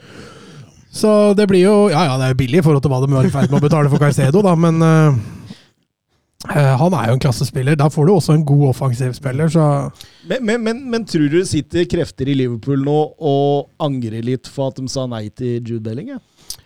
Jeg, jeg det tror nok at de sa nei, eller altså Hvis det stemmer at Jude Bellingham ønska seg til Liverpool, og, og, og Liverpool var jo i racet der eh, helt til omtrent han ble bekrefta for, for eh, Real, så, så altså, sitter man jo selvfølgelig i dag og angrer på det, kanskje, men det er klart at det skjedde jo en del ting i løpet av sommeren som, som frigjorde noen midler til, til at de kan betale den prisen for Caicedo. Det, man skal ikke glemme det heller, da. Nei. Nei. Nei, men, Men det, blir ja. jo, det blir jo litt mer, mer og mer uforståelig at de lot Bellingham Ja, og klart når du ser det Bellingham driver med ja, ja, det er, han- altså, Apropos Tonali-debut, liksom. Så Bellingham var ikke så mye dårligere, han. Nei, det Men vi var litt inne på det. Det virker jo nesten som Chelsea bare kødder det til for Liverpool, fordi I fjor dreide de med Arsenal. ja, Ja, er, Tyler Adams var jo klar som, som en defensiv holdende i, i, i Chelsea. Han var på medical, han skulle nesten bare skrive under kontrakten. Og så da, nei, vi tar Lavia, vi. Nå har vi fått Caicedo, vi tar Lavia også. og så slipper de, altså, stakkars Taylor Adams, løs igjen. Du, du, du får ikke noe hos oss. Altså, Kan det hva, hva, skjedde der, lurer jeg litt på. Kan det være at de leste gjennom sosiale medier og sånt? Fordi det var et voldsomt trøkk fra Chelsea-fansen når Taylor Adams skrev under. Jeg, jeg veit ikke. Eh, men, Ja, men jeg føler, det er litt sånn déjà vu tilbake igjen til Mudrik, Mm. som så å si var klar for Arsenal. Så plutselig bare Bårli Nei, jeg har 20 milliarder til Nei, 2 milliarder til til jeg ikke har lyst til å bruke på noe, så jeg kjøper han isteden. jeg. Chelsea the Hijackers. ja. Nei, jeg vet ikke. Kanskje Todd Bowley har noe mot Henry eller noe sånt. Jeg vet ikke. Jeg er sånn eier... eh, eier eh, Ja, han, han viser ballene, rett og Ja, ja. slett. Jeg skal vise dere Cahonis, tenker han. Også. Det er litt sånn Har du så stor linjal, så er jeg så stor linjal, så, Pappaen min er sterkere enn din, han driver det spillet der. Men hvis dere ville gått for en sekser da, som er litt yngre, men fortsatt har et enormt potensial, som kan i løpet av allerede denne sesongen her være eh, Eller ha potensialet til å nå en Fabinho, så kunne man jo henta Carlos eh, Baleba fra, fra Lill. Mm. Eh, Samuel Ritchie fra, Ja. fra Torino, og du kunne henta Arthur Farmeren fra Royal Antwerpen. Dette er jo tre seksere Mm. som i framtida vil kunne dominere europeisk fotball. Ja, så litt på tallet til Ritchie, fordi eh, eh, hvem, hvem sekser kan man hente nå, da? Når eh, drodla litt med den tanken. Og, ja, altså, ballvinn han, han, Nå har ikke jeg sett for mye kamp med men han vinner jo enormt mye baller. Så sånn Han har sett Cohonis. Han går til Chelsea, han. Han har for mye baller, han. Nei, Så det går ikke. Nei, altså må Liverpool være livsforsiktig med å ikke gå ut med for mye nå, altså, for da er Chelsea der med en gang og tar det. Har litt temposvakt, da, for ballene subber ned i. Tråkker på dem og sånn. Ja, det er, det er ubehagelig, altså. Men selve kampen, da. Er du fornøyd, eller eh, følte du at dere kanskje kom litt heldig ut av det? Det, ja, jeg jeg, jeg, er sånn middel. Jeg syns det er greit å få med oss ett poeng borte mot Chelsea. Og så, og så bør Liverpool ha flere hakk å gå på, men det er klart at uh, man, her uh, må det jobbes før overgangsvinduet stenger nå. Spesielt defensivt? Ja, ja for defensivt så er det, det er syltynt. Det er uh, Til og med Robertsen var litt shaky defensivt. Ja, det, det, det, og det, det tror jeg, jeg Jeg tror fort Liverpool kan være tilbake der hvor det var før van Dijk kom den sesongen og alt snudde, egentlig. For før det så var jo Liverpool helt ute og sykla defensivt. Og, og, jeg føler at vi må se litt av den der uh, usikkerheten da, blant, blant, forsvarsspillere. Og, og aller mest så går det utover den dårligste forsvarsspilleren av dem, som er, er Trent. Da. Jeg tror Robertson har gått forsvarsskole hos Trent i sommer. ja. Ja, nei, det blir 1-1 for så vidt greit med uavgjort, men hvis noen hadde fortjent alle tre poengene, så var det vel Chelsea hjemme, Mats? Ja, utover matchen så, så, så var det vel det. Liverpool syns jeg starter klart best. Chelsea litt mer Litt mer avventende, hvis vi kan si det på den måten. Og, og Salah har jo en i tverrleggeren der tidlig, og et par annullerte mål ble det vel der òg. Så det kunne jo selvfølgelig sett annerledes ut. Hadde, hadde Liverpool fått de to-tre tidlige der som de uh, jaga. Uh, når de ikke klarer det, så syns jeg Chelsea er veldig dyktige til å komme seg inn i, inn i, uh, inn i matchen igjen. Fernandes tar ordentlig tak. Jeg syns Gallagher dekker enorme rom altså utover i matchen. Wingbacker som, som dominerer kampbildet, og ikke minst en Chukwumeka som plutselig ser ut som kan bli the real deal. Og til og med Sterling så er plutselig levende ut igjen utover i andre omgang der. Og, og Jackson Altså For all del en veldig god kamp. Ekstremt bevegelig. Eh, truer mange rom, ikke samtidig riktignok, men, men eh, i hvert fall Han står ikke stasjonært da, som en rein nier. Eh, så det, for Chelsea også handler det om å bli mer farlig i boksen. Eh, det, blir for, det, blir for, spett i boks. Mm. men eh, utover i matchen der, at Chelsea kunne skåret både to og tre, det, det kunne de og kanskje burde de ha gjort. Men hvordan skal de få råd til en nier? Som, skal bruke Lavia der. for det var bare for å kødde med Liverpool, skjønner du. Låner den ut rett etterpå. Til Rotherham! Just to take the piss. Filip Ringstad, aka Tønna på Twitter. Var det Chelsea som var gode, eller var det Liverpool som gjorde dem gode? Kan man si en sånn midt imellom. Ja, det er veldig bob-bob, altså. Men er, jeg føler at vi, vi så to av de topplagene som fort kan havne utafor topp fire her, da. Hvis ikke det handles Nå, nå handles det i Chelsea, da. Men, men altså Over en lav oppfordrer Chelsea til å handle nå! ja, men de, de, de, må jo løse den Lukaku-situasjonen ja, og få, få inn noe der. Vi har jo snakka om det. Vi har brukt 7 milliarder kroner og fortsatt har en del hull å tette. Det er ganske imponerende. Ja, det er god klubbdrift. ja. Sånn er det når du har lange bowler. Ja, ja. Nikolai, fotballmann på Twitter. Liverpool har slitt defensivt eh, med, for, med å få for mange spillere igjennom i bakrom når de står høyt med forsvarslinja si. Eh, er det på tide å prøve noe nytt? Hva da, Kloppfotball med lav forsvarsferie? Ja, det,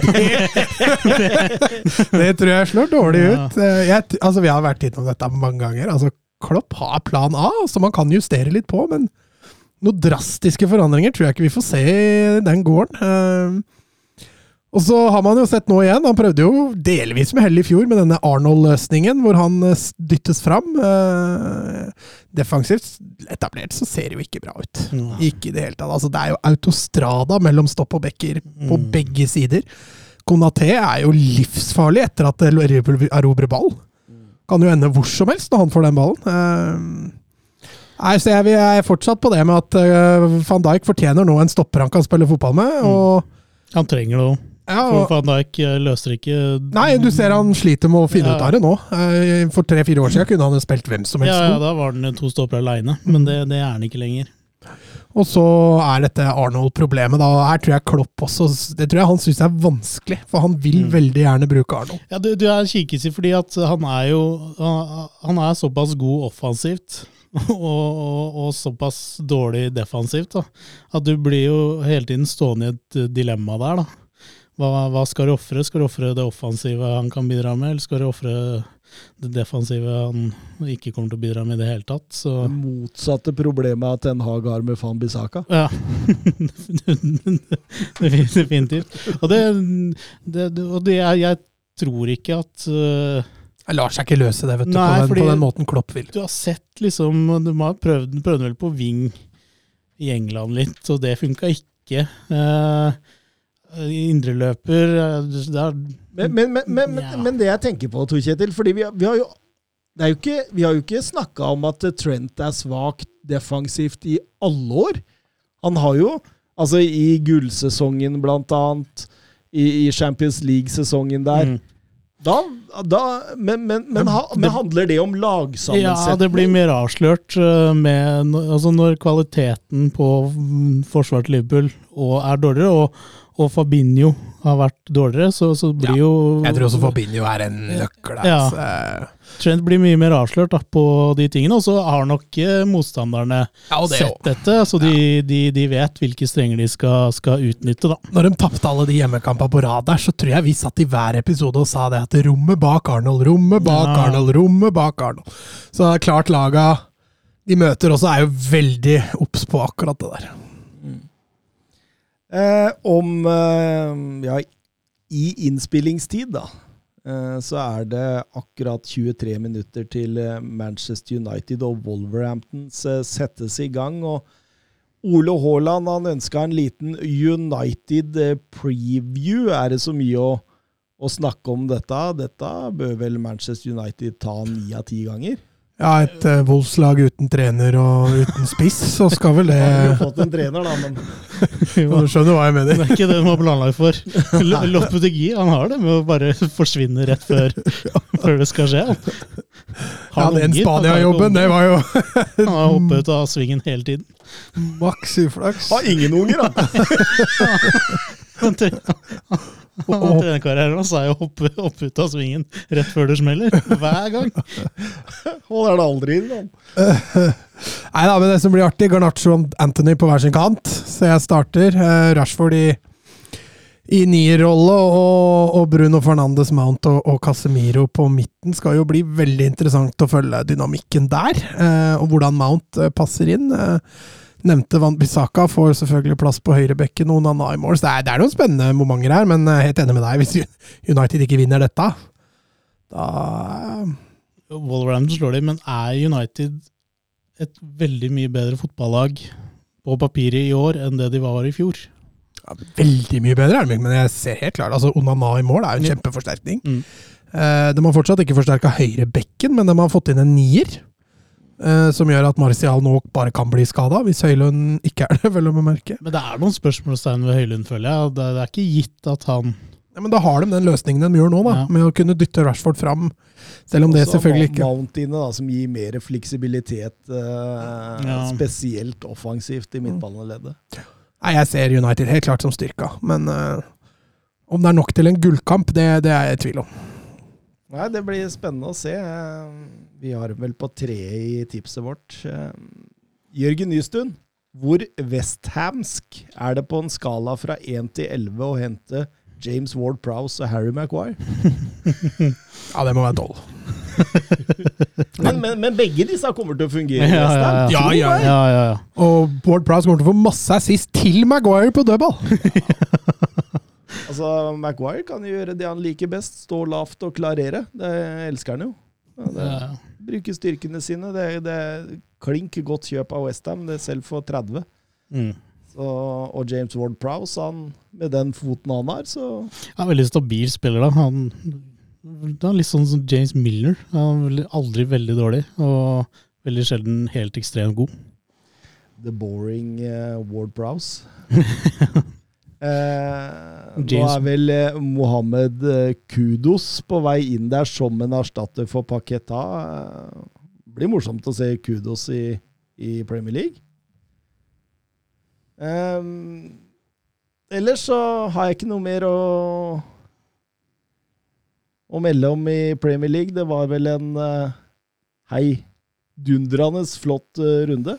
Ja da, det var eh, godt å komme i gang igjen i Premier League også. Det var eh, mye skader, dessverre, da riktignok, på, på litt, eh, litt store spillere. Og så var det artig med å se effekten dette med nye reglene ga. Så får vi bare håpe det vedvarer. Altså ikke det med skader, men eh, det med dommere. Litt sånn alvorlige, Ja, litt alvorlige sånne, skader der. Ni-ti måneders avbrudd der. Vi får håpe det kommer et par til. Vi går videre til La Liga. Assistència de Xavi més que a per Messi, Messi, Messi, Messi, Messi, Messi, Messi, Messi, immens Messi, encara Messi, encara Messi, encara Messi, encara Messi, encara Messi, encara Messi, encara Messi, encara Messi, encara Messi, encara Messi, encara Messi, encara Messi, gol, gol, gol, gol, gol, gol, gol, gol, gol, gol, gol, gol, gol, gol, gol, gol, gol, gol,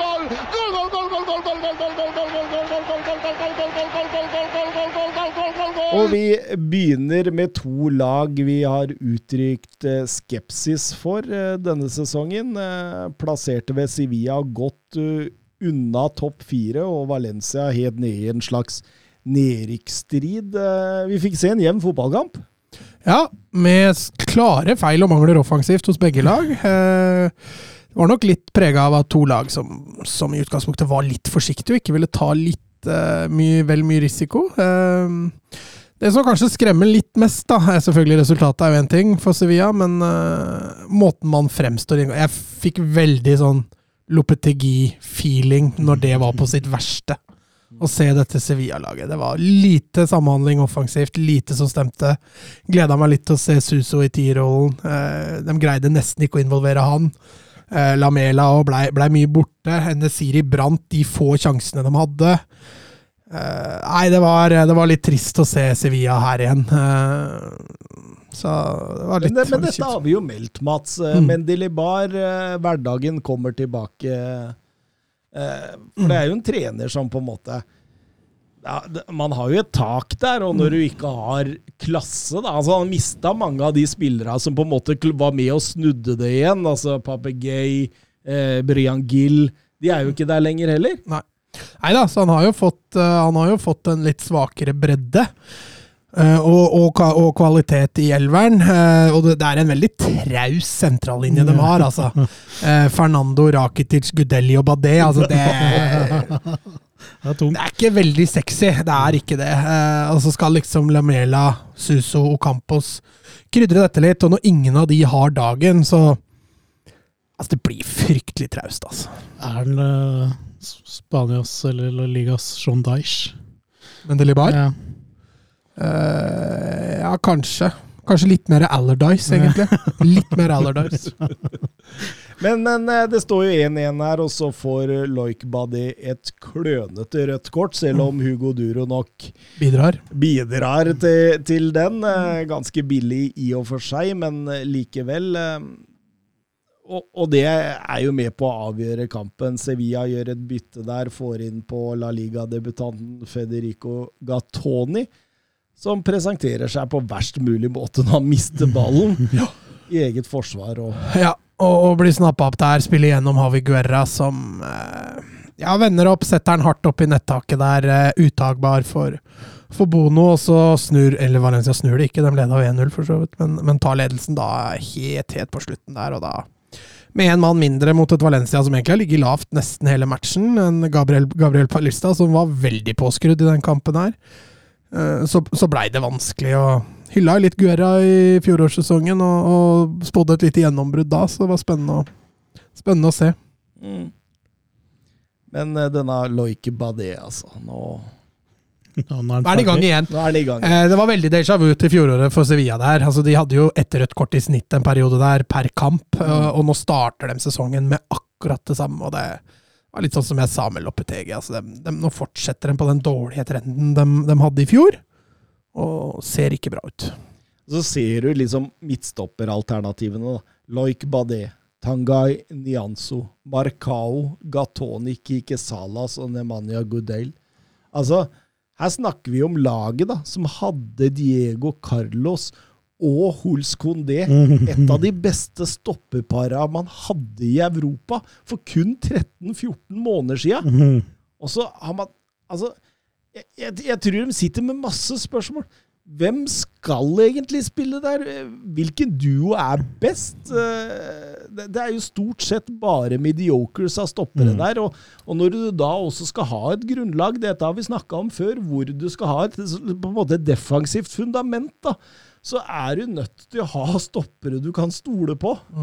Ja, Gattoni var jo leid ut i fjor, så han er jo, ble jo henta i fjor, men hadde jo da åpenbart for lang vei fram. Da, så, og, og starter jo sesongen Han har jo vært med hele veien i år fra sesongstart. Eh, og allikevel så starter han på benken. Gudel liksom egentlig er Hvor, hvor, hvor var Gatoni på utlån igjen? Var det Argentina. Nei, det var i La Liga et sted.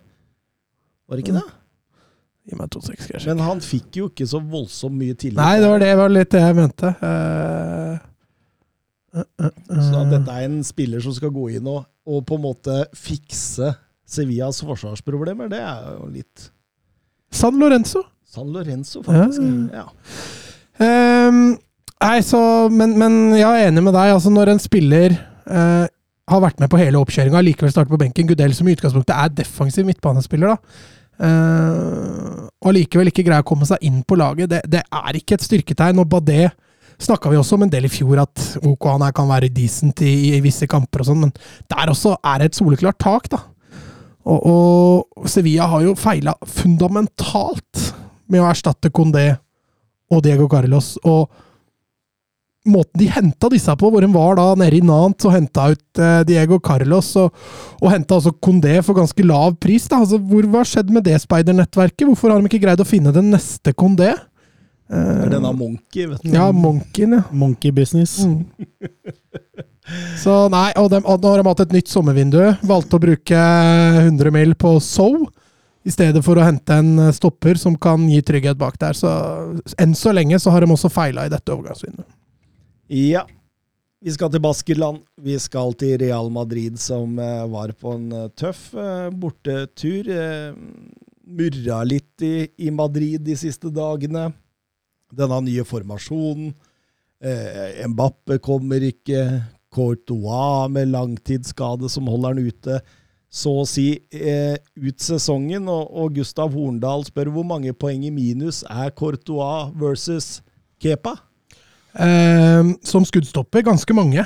Eh, men for Real Madrid i eh, La Liga så tror jeg ikke det er så altfor mye. Det er mer Champions Det er mer League. Champions League. Der tror jeg du får et tap. Eh, kanskje ikke gruppespillet. Han har ikke gruppe... Jo, det er gruppespill et år til. Eh, kanskje ikke i, i gruppespillet, men når du kommer i sluttspillet, så er det klart at Kepa er et steg ned. Eh, Vi husker jo hvordan Courtois vant omtrent Champions League Mm, alene. ja. og, så, Ja, ta serieåpninga nå, da. Eh, eh, altså, Lunin står jo i mål nå, og, og er jo ikke i nærheten av å nesten slippe inn, omtrent. Og Kepa hadde ikke sluppet inn i den kampen her heller. Og Atletic Bilbao på bortebane er en tøff bortekamp i utgangspunktet, så Nei, jeg tror I La Liga tror jeg ikke det er så mye poeng å snakke om, eh, men forskjellen på en eh, kvartfinale og en finale i Champions League, det kan det fort være. Så, så er jo Kepa en bedre keeper nå enn han var for 15-16 måneder siden. Da. Han, han fikk en liten oppblomstring der igjen, så jeg, jeg tror ikke det er noe Det er ikke noe krise sånn sett. Jeg tror ikke det er mange poeng som tapes på akkurat det. da. Nei, eh, Real Madrid gjør en profesjonell jobb etter eh, skåringer av Rodrigo og Bellingham. Debutanten Bellingham som var en av banens beste spillere. Men, men det får jo også et mørkt bakteppe når Militao må ut med nøyaktig samme skade. Eh, et kjempeblow også for Real Madrid. De har ikke all verdens dybde på stopperen. Når Rydiger nå kommer til å ta over den plassen, så er det vel egentlig stopp. Da er det Nacho nestemann, og det, det er en eh, kvalitet ned. Så, så Militao, det er et kjempetap. Eh, så er spørsmålet, da. Skal de ut på markedet og få inn en stopper? Ja, Landstad spør jo det. Det må erstattes, sier August Landstad. Med hvem?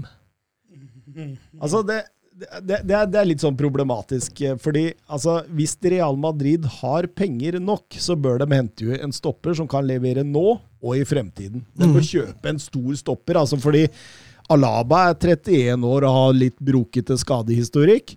Rudiger er 30 og Man har jo på en måte ikke helt sett Rudiger i full blomst i Real Madrid enda. Har vært mye ut og inn. Nacho som Ja, han er Nacho. Altså, altså så, så da, hvis Militao er ute et år, så bør det jo liksom på en måte gå fram opp noen lamper her. At her må vi hente inn en stopper, og vi må hente inn en stopper vi kan bruke og satse på resten av tida. Og da må man opp på Antonio Silva eh, nivå. Man må opp på Scalvini, man må opp på Inazio. Mm. En av disse unggutta som man liksom bare kan Ja, men, men det, det, jeg tror jo det er et issue med, med penger, da. For, for, for, for det virker jo som Real Madrid har, etter Bellingham, vært litt på sparebluss. Og mm. mye av det kan nok handle om uh, uh, ting som skal skje neste sommer. Så jeg, så jeg tror ikke de har altfor mye penger å bruke på en ny stopper Nei, det heller. er jo det som hvis, er hvis de skal få til fremtidsplanene sine. Nei, fordi uh... Ja, eh, Fredrik Sterna skriver jo her. Hvis Mbappe skriver ny kontrakt nå, har Real Madrid råd til å kjøpe han ut. Og det har jo versert lange rykter nå om at eh, det står penger øremerka Kylian Mbappe. Men det har ikke vært så mye snakka om etter Bellingham-kjøpet. Og og så er det jo sånn, da.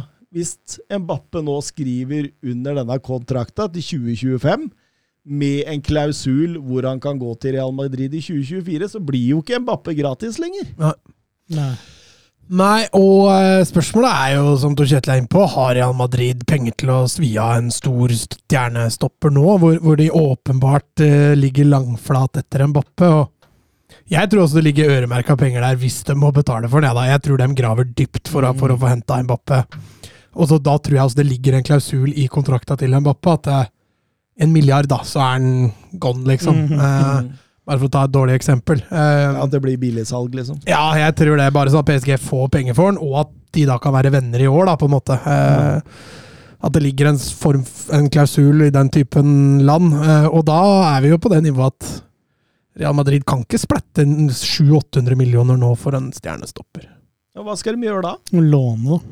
Å låne? Ja, den gamle en. Tiago Silva? Ja, det blir Nei, Real Madrid er ikke låne... De låner ingenting. Nei, det tror jeg ikke, men nei. Men, Bonucci er vel ledig. ja. Kilini også er vel, har vel ikke noe klubb akkurat ja. James Milner. Nei, jeg tror, nok, eh, jeg tror nok de må sondere landskapet, og så må de ut i La Liga finne seg en decent stopper derfra, som kan være backup til Rudiger og, og eh, Alaba, eh, og, og konkurrere med Nacho om, om spilletid bak der. Ja, og da røyk eh, Champions League-gullet til Real Madrid allerede. Ja. Um, noen få ord må vi ha om Via Real mot eh, Betis, eh, Mats. det var en ganske rolig kveld for Alexander Sørloth. Han fikk én stor sjanse hvor han brente den i skallen sin sjøl. Humor! Han skyter den ned i bakken og opp i huet sitt! Og da må vi realsupportere stått på siden. Hva i alle dager er det vi har svidd 100 mil på her?! Er, Klarerer han i sitt eget hode? det er så typisk Alexander Sørloth nå. Han har en skikkelig dårlig sesong med masse stang ut. Endelig fått seg liksom fast klubb. Nå ser det liksom ut som det kan lysne, og da bare en Neste år så blir lånt ut. FC Zürich er neste. Det er for vondt, litt vondt av han, Nei, faktisk. ja, men bortsett fra det, så gjør han en OK kamp. Eh, Han får riktignok den kjempesjansen hvor han bør gjøre det bedre. Eh, Men, men har Real, ikke en, ikke en optimal start, og de i likhet med, med flere andre lag har en ny tropp å spille inn. Da. Altså Verken Albiol eller Pau Torres var å finne i forsvarsrekka. Alberto Moreno måtte tidlig ut der. Eh, Så, så det er litt å spille inn i, i eh, Villarreal også. Og eh, seiersmålet til eh, Betis kom godt på overtid med en gammel kjenning i eh, William José, som egentlig allerede har sagt at jeg er på vei til Cruz Azul. Jeg, jeg skal ikke spille her lenger. Det spørs om den eh, reverserte nå, jeg veit ikke.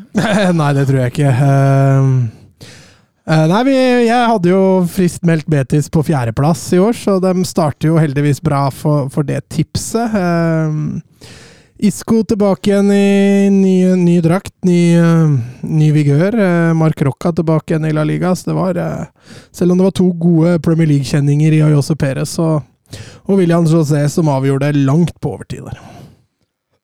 Vi må innom Getafe Barcelona også, eller skal, eller, eller skal vi bare utelukke den og så si at det var ikke noe fotballkamp? Det var fribryting og, og, og, UFC. alt, og alt mulig annet. For Men det er jo det- akkurat dette jeg snakka opp under, under tabelltipset, Mats. Få Getafe litt høyere opp for Getafe og Bordalas. Match in heaven, faktisk. Jeg, er enig. jeg hadde glemt hvor vondt det var. For dette her, det var en rakkarøkare av en kamp, som svenskene ville sagt. Ja, altså Til og med kommentatoren kaller jo Getafe-spillere for bøller. og det... Og jeg ser jo hva han mener. altså Det er albuer i sida når dommeren står med ryggen til. og så er det liksom akkurat ikke nok da, til at VAR kan bryte inn. De, de er på grensa hele veien. Da må Damian Suárez spiller 80 minutter uten å få gult kort! Det er utrolig at han slipper unna! La Ligas klart største bølle eh, kommer altså fra det der uten eh, Og den, den han har på Gundogan der, altså det, er, det er nesten så VAR kan bryte inn på det der. Altså, han er helt på grensa. Og så er det det som ikke skal skje med toppklubber. De klarer å komme under huden deres. De klarer å tirre dem på seg. Ja, for eh, Finn Jørgen Halvorsen spør ham dette om, om Barcelona ble lurt inn i løvens hule. Eh, ja, ja, det kan du godt si. Altså, de, de greide å komme under huden på dem, og spesielt Rafinha. Eh, og Lewandowski var veldig oppgitte og frustrerte en periode der, når de ikke fikk noe medhold hos dommerne i det hele tatt, og alt blei oversett. Og til slutt så får Rafinha rett og slett nok, og en, et sekunds hjerneblødning og en albue i huet der, og, og da er det egentlig et helt fortjent rødt kort. Du skal ikke Nei, På det nivået her så skal det ikke skje, altså. Nei. Men jeg kan skjønne, jeg kan skjønne frustrasjonen. Altså. Det, Ja, når du har vært i det, den gryta der. Uh, Absolutt. Det var flere røde kort òg. ja. Ja, Chavi måtte ut. Mata fikk jo sitt andre gule ut i andre omgang der. eh, Men kampen blei så støkka opp og så ødelagt av Bordalas-style at eh, det var rett og slett ikke mulig å få med seg noe der. Til og med, de tør til og med å kaste inn på Jamal på slutten der. Det sier litt om desperasjonen Basha hadde, hadde mot slutten der. Ja, absolutt. Jeg har et par eh, statementer her. Eh, Endre Tengren. eh, som nøytral fotballsupporter er det mulig å verdsette Bordalas sitt eh, Getafe som en fotballinstitusjon. Hilsen en eh, svært eh, unøytral Barcelona-supporter som begynner å bli lei av Colosseum Alfonso Perez. og, og Stølen skriver eh, Kan det Bordalas serveres kalles fotball? Altså Det er jo Simione-fotball på speed. Altså Du har bare tatt og gjort det verre, og du, du har perso personifisert det. da. Eh, og nå har han jo igjen ferd med å, å fylle, opp, uh, fylle opp de hølene han Som han har, da, med, med altså Genepo der og Nei, er, det, Det blir vondt. ja, det blir ikke ålreit å dra til Colosseum, og i hvert fall ikke være topplag. Fordi For dem har ingenting å tape. Om de taper den kampen der, så er det greit. Om de ser ut som fullstendige rasshøl og får et poeng, så er det også greit. Vi må en liten tur til Bundesliga. Er macht ein richtig gutes Spiel. Jan Schimonek. Die Wolfsburger lassen so gut wie nichts zu. Grafit. Grafit gegen Lell. Jetzt wird's eine Demütigung. Guckt euch das an. Bist du verrückt? Bist du verrückt? Tor des Jahres. Die Bayern. Ja, for grunnen til vi må til eh, Bundesliga, det handler om eh, supercupen. Eh, finalen ble jo spilt mellom Bayern München og RB Leipzig, fjorårets serie mot fjorårets cupmester. Men vi må også snakke litt Harry Kane, og vi har fått litt sånn spørsmål og sånn, så da får vi gå mot det. Det er jo et München her som var i en Harry Kane-ekstase. Eh, kan jo like godt ta det først som sist. Jørgen Knutsen. Kane er klar for Bayern. Spørsmål til neste episode av 90 minutter. Hvor stor er denne overgangen, og kan dere rangere de ti største i Bundesliga gjennom tidene? Oi. Vi snakka jo på denne tida i fjor om at Sadio Mané var det største Ja. i- i kjøpet i Bundesliga gjennom tidene, og Harry Kane det er jo enda større. i, i kraft av en totalpakke økonomisk, i form av at han kanskje er verdens beste og mest komplette nier, og i hvert fall topp tre. Det er vel ingen som gidder å diskutere på. Og at han kan levere her og nå. Han kan levere 30 Bundesligamål. Han kan levere et Champions League-gull, potensielt. Mm. Eh, det, er, det, det, det er vel det største som har vært det, Mats. Ja, jeg ser ingen som kan måle seg med denne Kane-pakka. Eh, både i navn og i kvalitet og i penger, så det er vel ingen der som kan i det hele tatt utfordre Harry Kane, faktisk.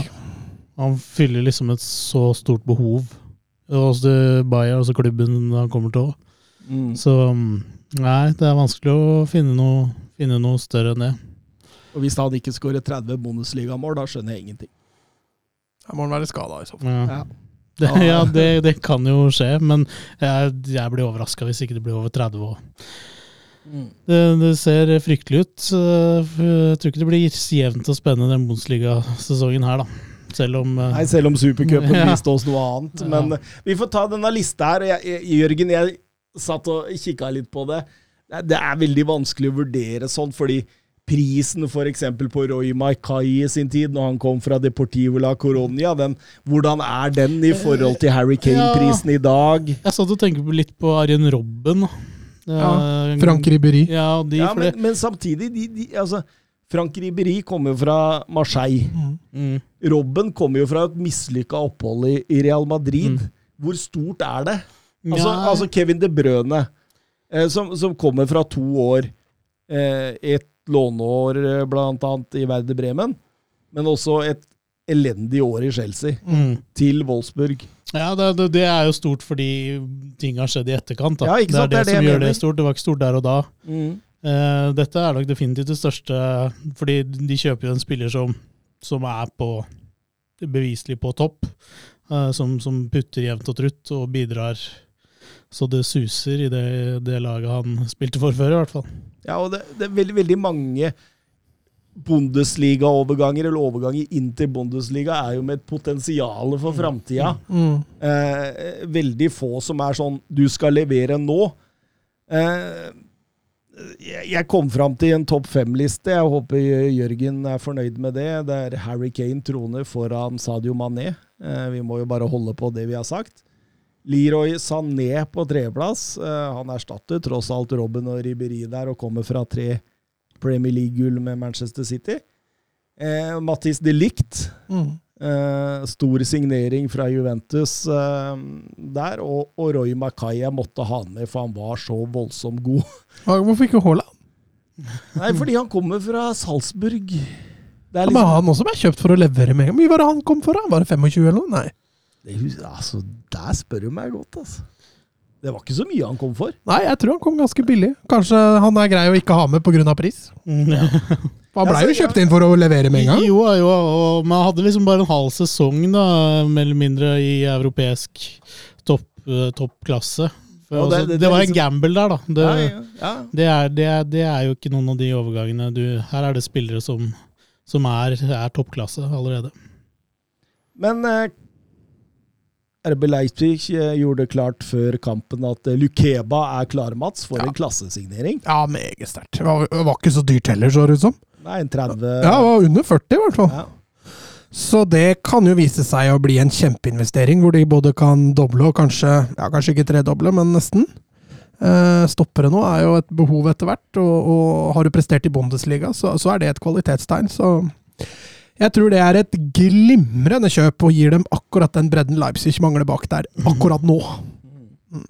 For Leipzig gjør mye bra kjøp, og det viser de jo også i denne kampen i Supercupen, fordi Ja, de forlenga jo Målmo òg. Jeg vil jo påstå det ble, er en ganske god det er et kjøp. Han feira det greit, i hvert fall. Hat trick. De eh, sender eh, Bayern München egentlig av sin egen hjemmebane i litt sånn skam. Ja, den, men den 2-0-gålen der, den vendinga altså, det er så godt gjort. Altså, altså balanse og ferdigheter i fantastisk harmoni når han tverrvender med da en, en tofotsfinte. Det er ikke så ofte du ser det. Ehm, Og så da mellom beina på Ulrich. Det er jo strålende, altså.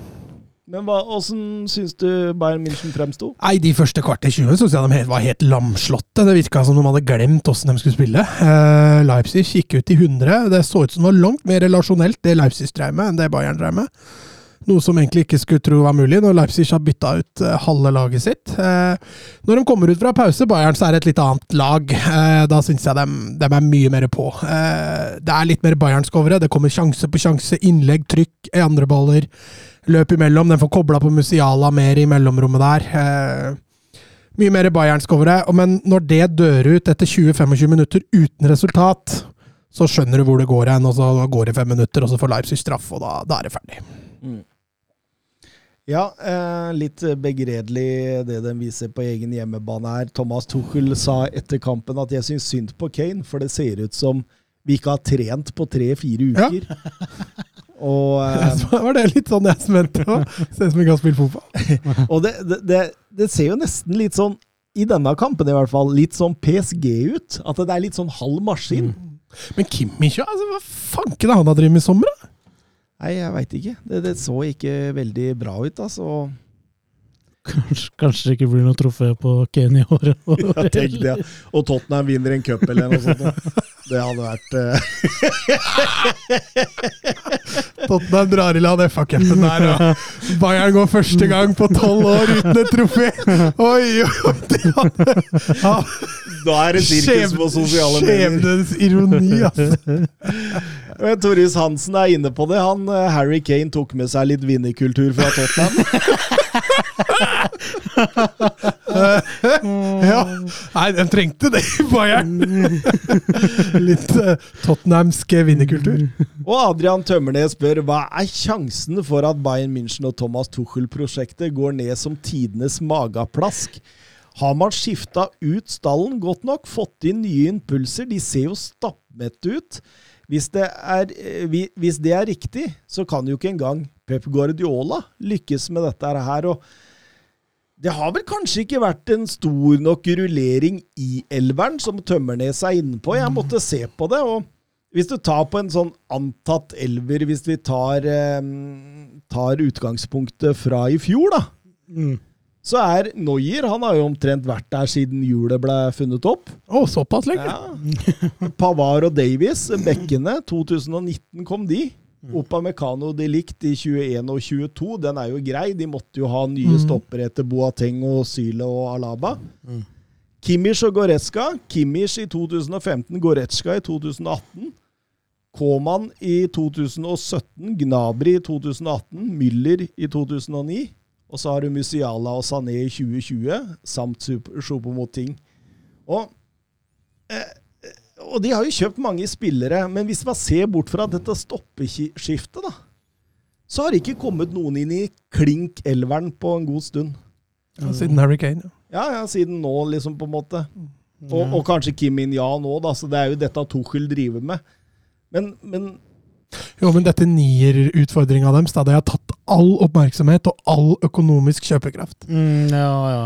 Og det gjør at eh, vi så jo litt feil og mangler på Gnabry i fjor. Eh, han, eh, dok doktor Røpker på sida her, han, han var jo også innpå det, at det kanta til, til, eh, til Bayern har vært veldig opp og ned. Altså Gnabry virka, virker jo litt don. Eh, Müller er jo igjen blitt uh, avskilta litt av, av treneren, eh, og Koma er ofte skada. Så kanskje man skulle gjort noe der. Eh, den defensive midtbanespilleren, hvis Kimmich skal levere på dette nivået, da, det er klart, da, da blir jo det et kjempehull i den elveren. Men, men det tror jeg ikke kommer til å skje. Og så Goretzka satt på benken, altså. Bayern kan ikke ha mye igjen av overgangsbudsjettet å bruke på spillere nå.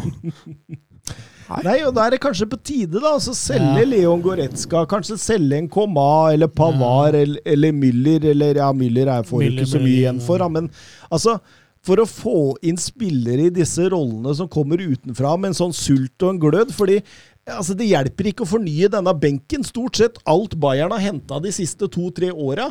Limer, glemte du. Ja, ja, ja, for så vidt. Men det er spillere som går klink benk, altså. Ja. Og det er liksom eh, Så har man i stor nok grad skifta rundt på elveren der når, når eh, Lewandowski var der, så, så, så, så ser det nesten ut som når man hadde den Lewandowski, da, så ser det ut som laget på en måte var så komplett at det var veldig vanskelig å, å forsterke den. Mm. Altså, og, og, og når du har et så komplett lag med så mange store stjerner altså, Det skal mye baller til å gå inn som en trener og si Vet du hva? Eh, Kimmich, Müller, Lewandowski og Koman, de selger vi. Ja. Så henter vi inn nye. Det, så, så, så, så at du er det på en måte et offer for din egen suksess, da. Mm. At, Ja, det, det er vel øh, Var det sir Alex Ferguson som han mente vel at det var en av nøkkelen til suksessen, var å fjerne spillere med en gang de ble mette, på en måte. Og det mm. kan jo være det som er greia her òg. Ja, det er ikke umulig.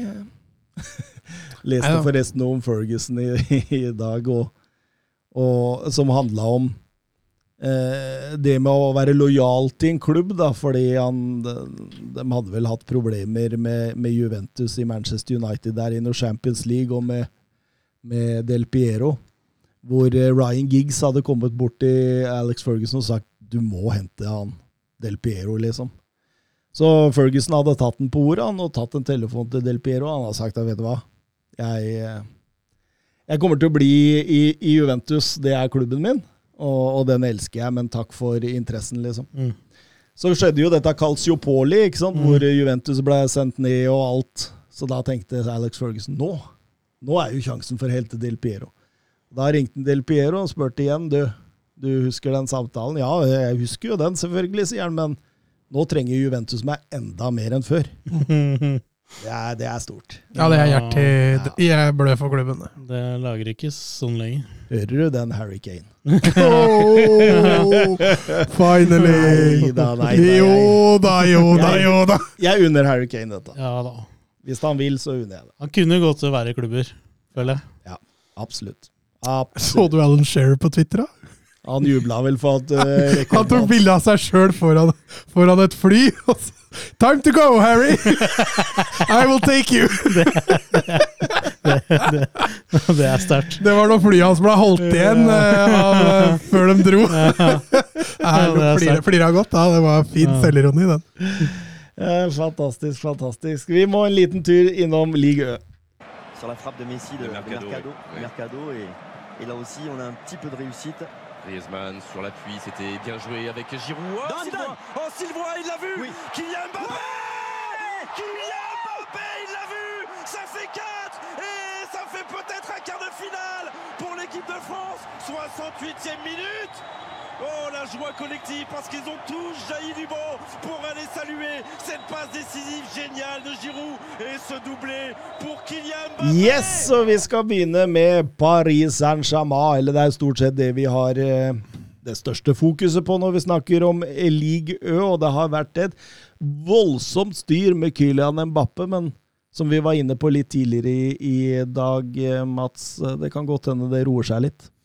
Ja da, nå har det jo versert rykter om at han signerer en ny kontrakt og utvider den med, med ett år. Og, og det kom også eh, overskrifter nå ut om at han var tatt inn i varmen igjen. og jeg var vel inne på det litt for en episode eller to siden, at eh, det er ingen parter som er tjent med at han skal sitte på andre lag og spille der i, en sesong. Så får vi se om de finner en løsning på det. Det løste seg i hvert fall ikke på banen, med, med Mbappe inn i varmen igjen. Nei, nei, han eh, spilte vel heller ikke, men eh, Nei, inn i varmen, sa jeg, ikke Ja. på banen. Nei, nei. Han satt og kosa seg på sida der med, med Dembélé. Det Ja. åpenbart at eh, At dette kan ha vært en liten sånn nøkkel å hente bestekompisen hans. Det Ja, det er dårlig influens på Hvis Dembélé er bestekompisen din. Jeg lover ikke bra for PSG, i hvert fall. det, det sier sånn, men ja, det sies at han skal skrive under en kontrakt i 2025 med klausul om å kunne gå til Real Madrid i 2024. Og at det har vært konstruktive, gode samtaler, at han er tilbake i trening med førstelaget.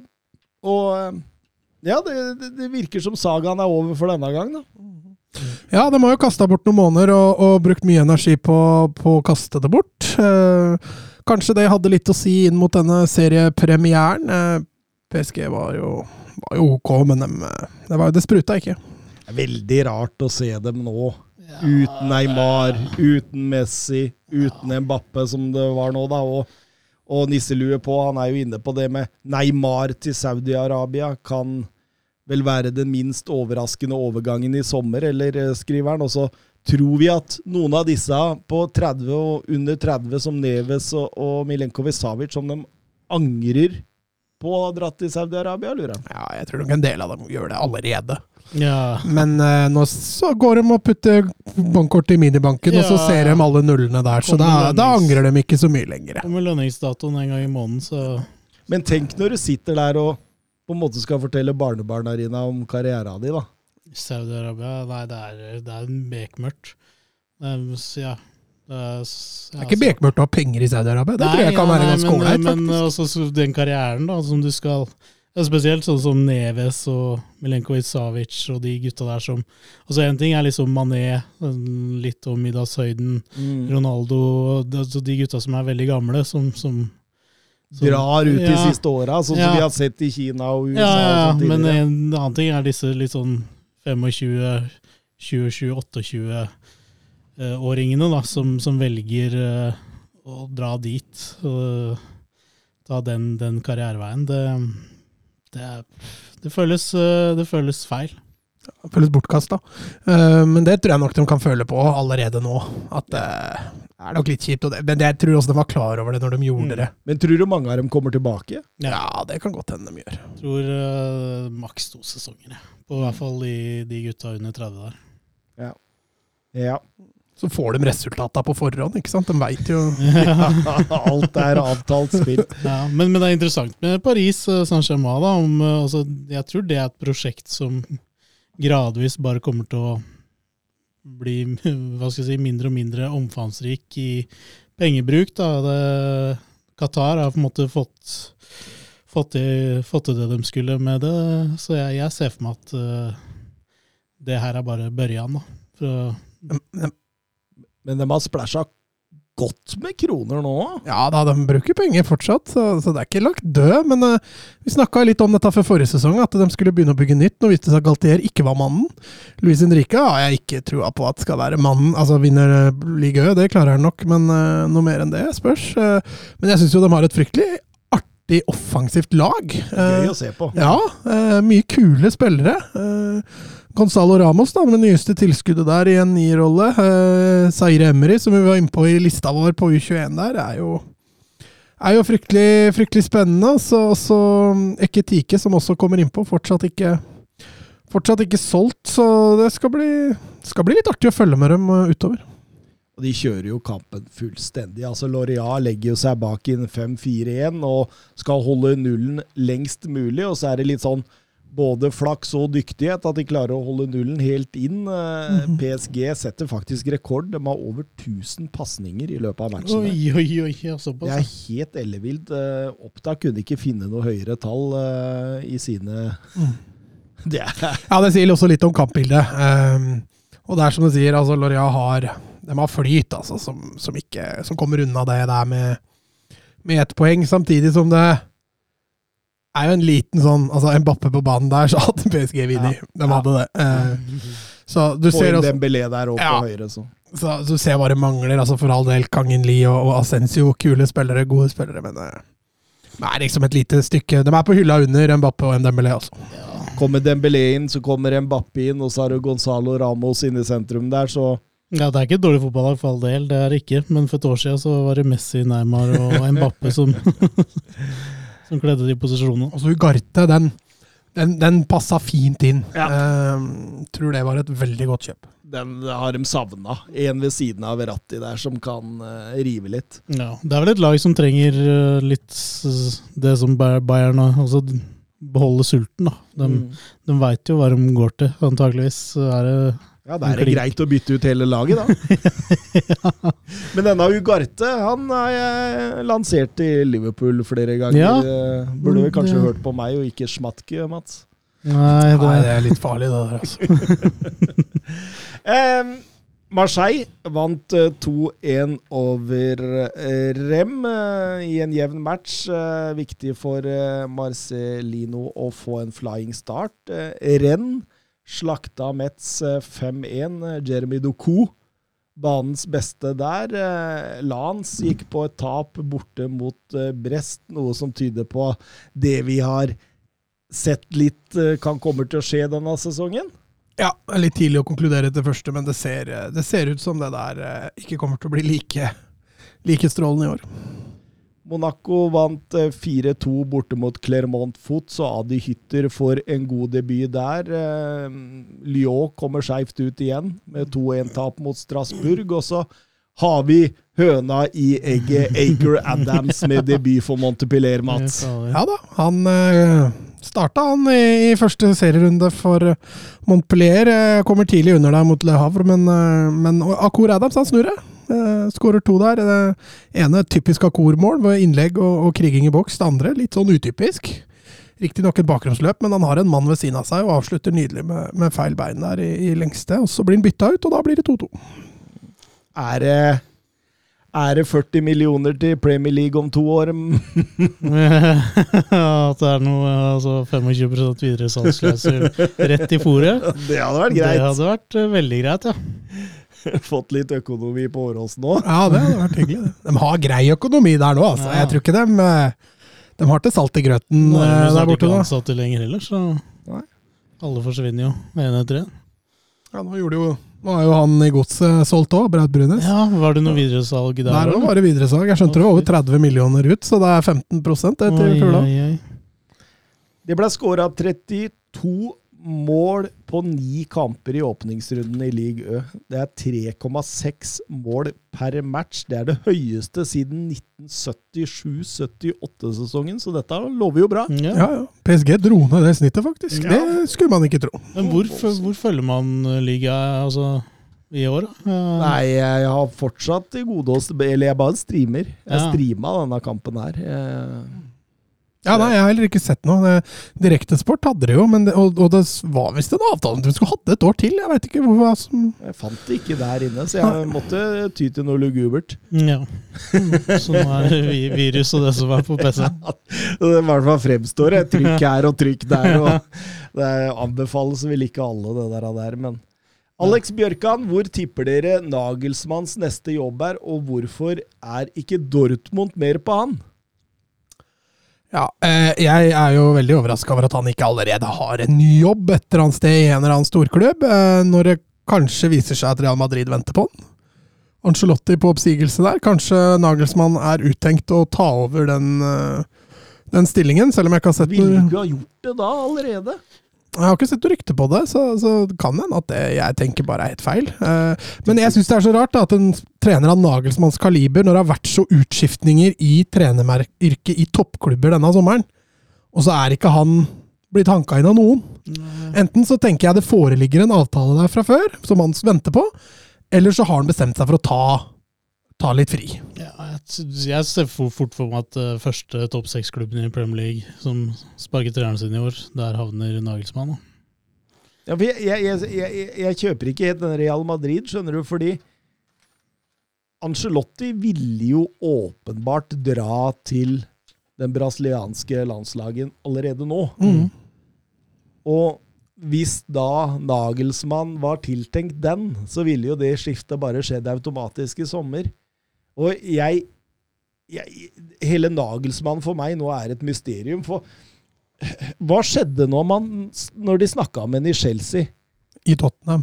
Ja, i Tottenham, i PSG. Mm. Altså, Det har jeg lurt på lenge, for ut ifra de aller fleste troverdige kilder der, da, så, så virket jo han interessert i å ta over alle disse klubbene. Mm. Men så se, høres det ut som det er klubbene som liksom på en måte har eh, Hva er kravet hans? Hvorfor blir eventuelt klubbene skeptiske? Jeg skulle likt å vite svaret på akkurat dette her, og hvorfor han fortsatt er arbeidsledig. Det er, det er et mysterium, altså. Men at han ikke er i Dortmund, det tror jeg at de er veldig fornøyde med det Edin Terzic har vist. Ja. Ja, ja.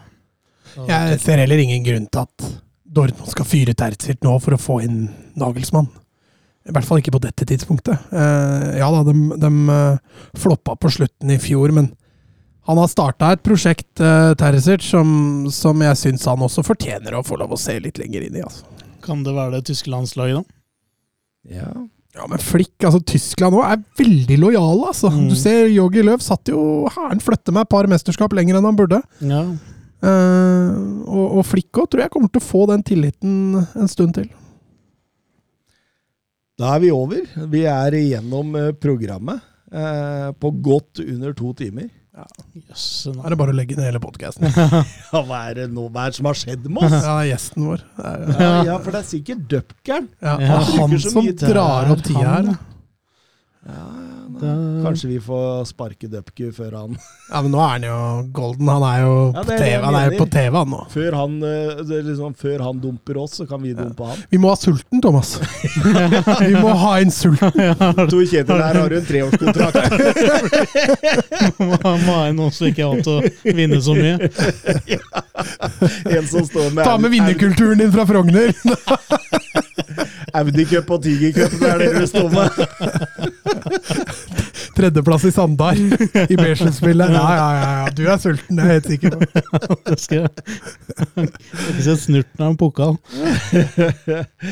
Eh, nei, men da takker vi for oss, og så kan vi informere alle Dupker-fans der ute at han er tilbake neste uke. Jeg kan melde to overganger før vi avslutter. Ja, kjør. Eh, Zakaria Ja. til Monaco Ja. og Matic til Renn. Adi Hytte kjenner Zakaria godt, så den skjønner jeg. Matic til renn, ja. Få inn litt erfaring der. ja. Han, de trenger det blant alle disse unggutta. altså. Ja, Og meling fra renn til Kjøben. ja. Ja. Han var ikke så god Han burde gått til Aston Villa. han, og det var en god diskusjon. Og med de ordene sier vi takk for at du kom, Tor Kjetil. Takk for at jeg fikk komme. Adjø. Adjø. Messi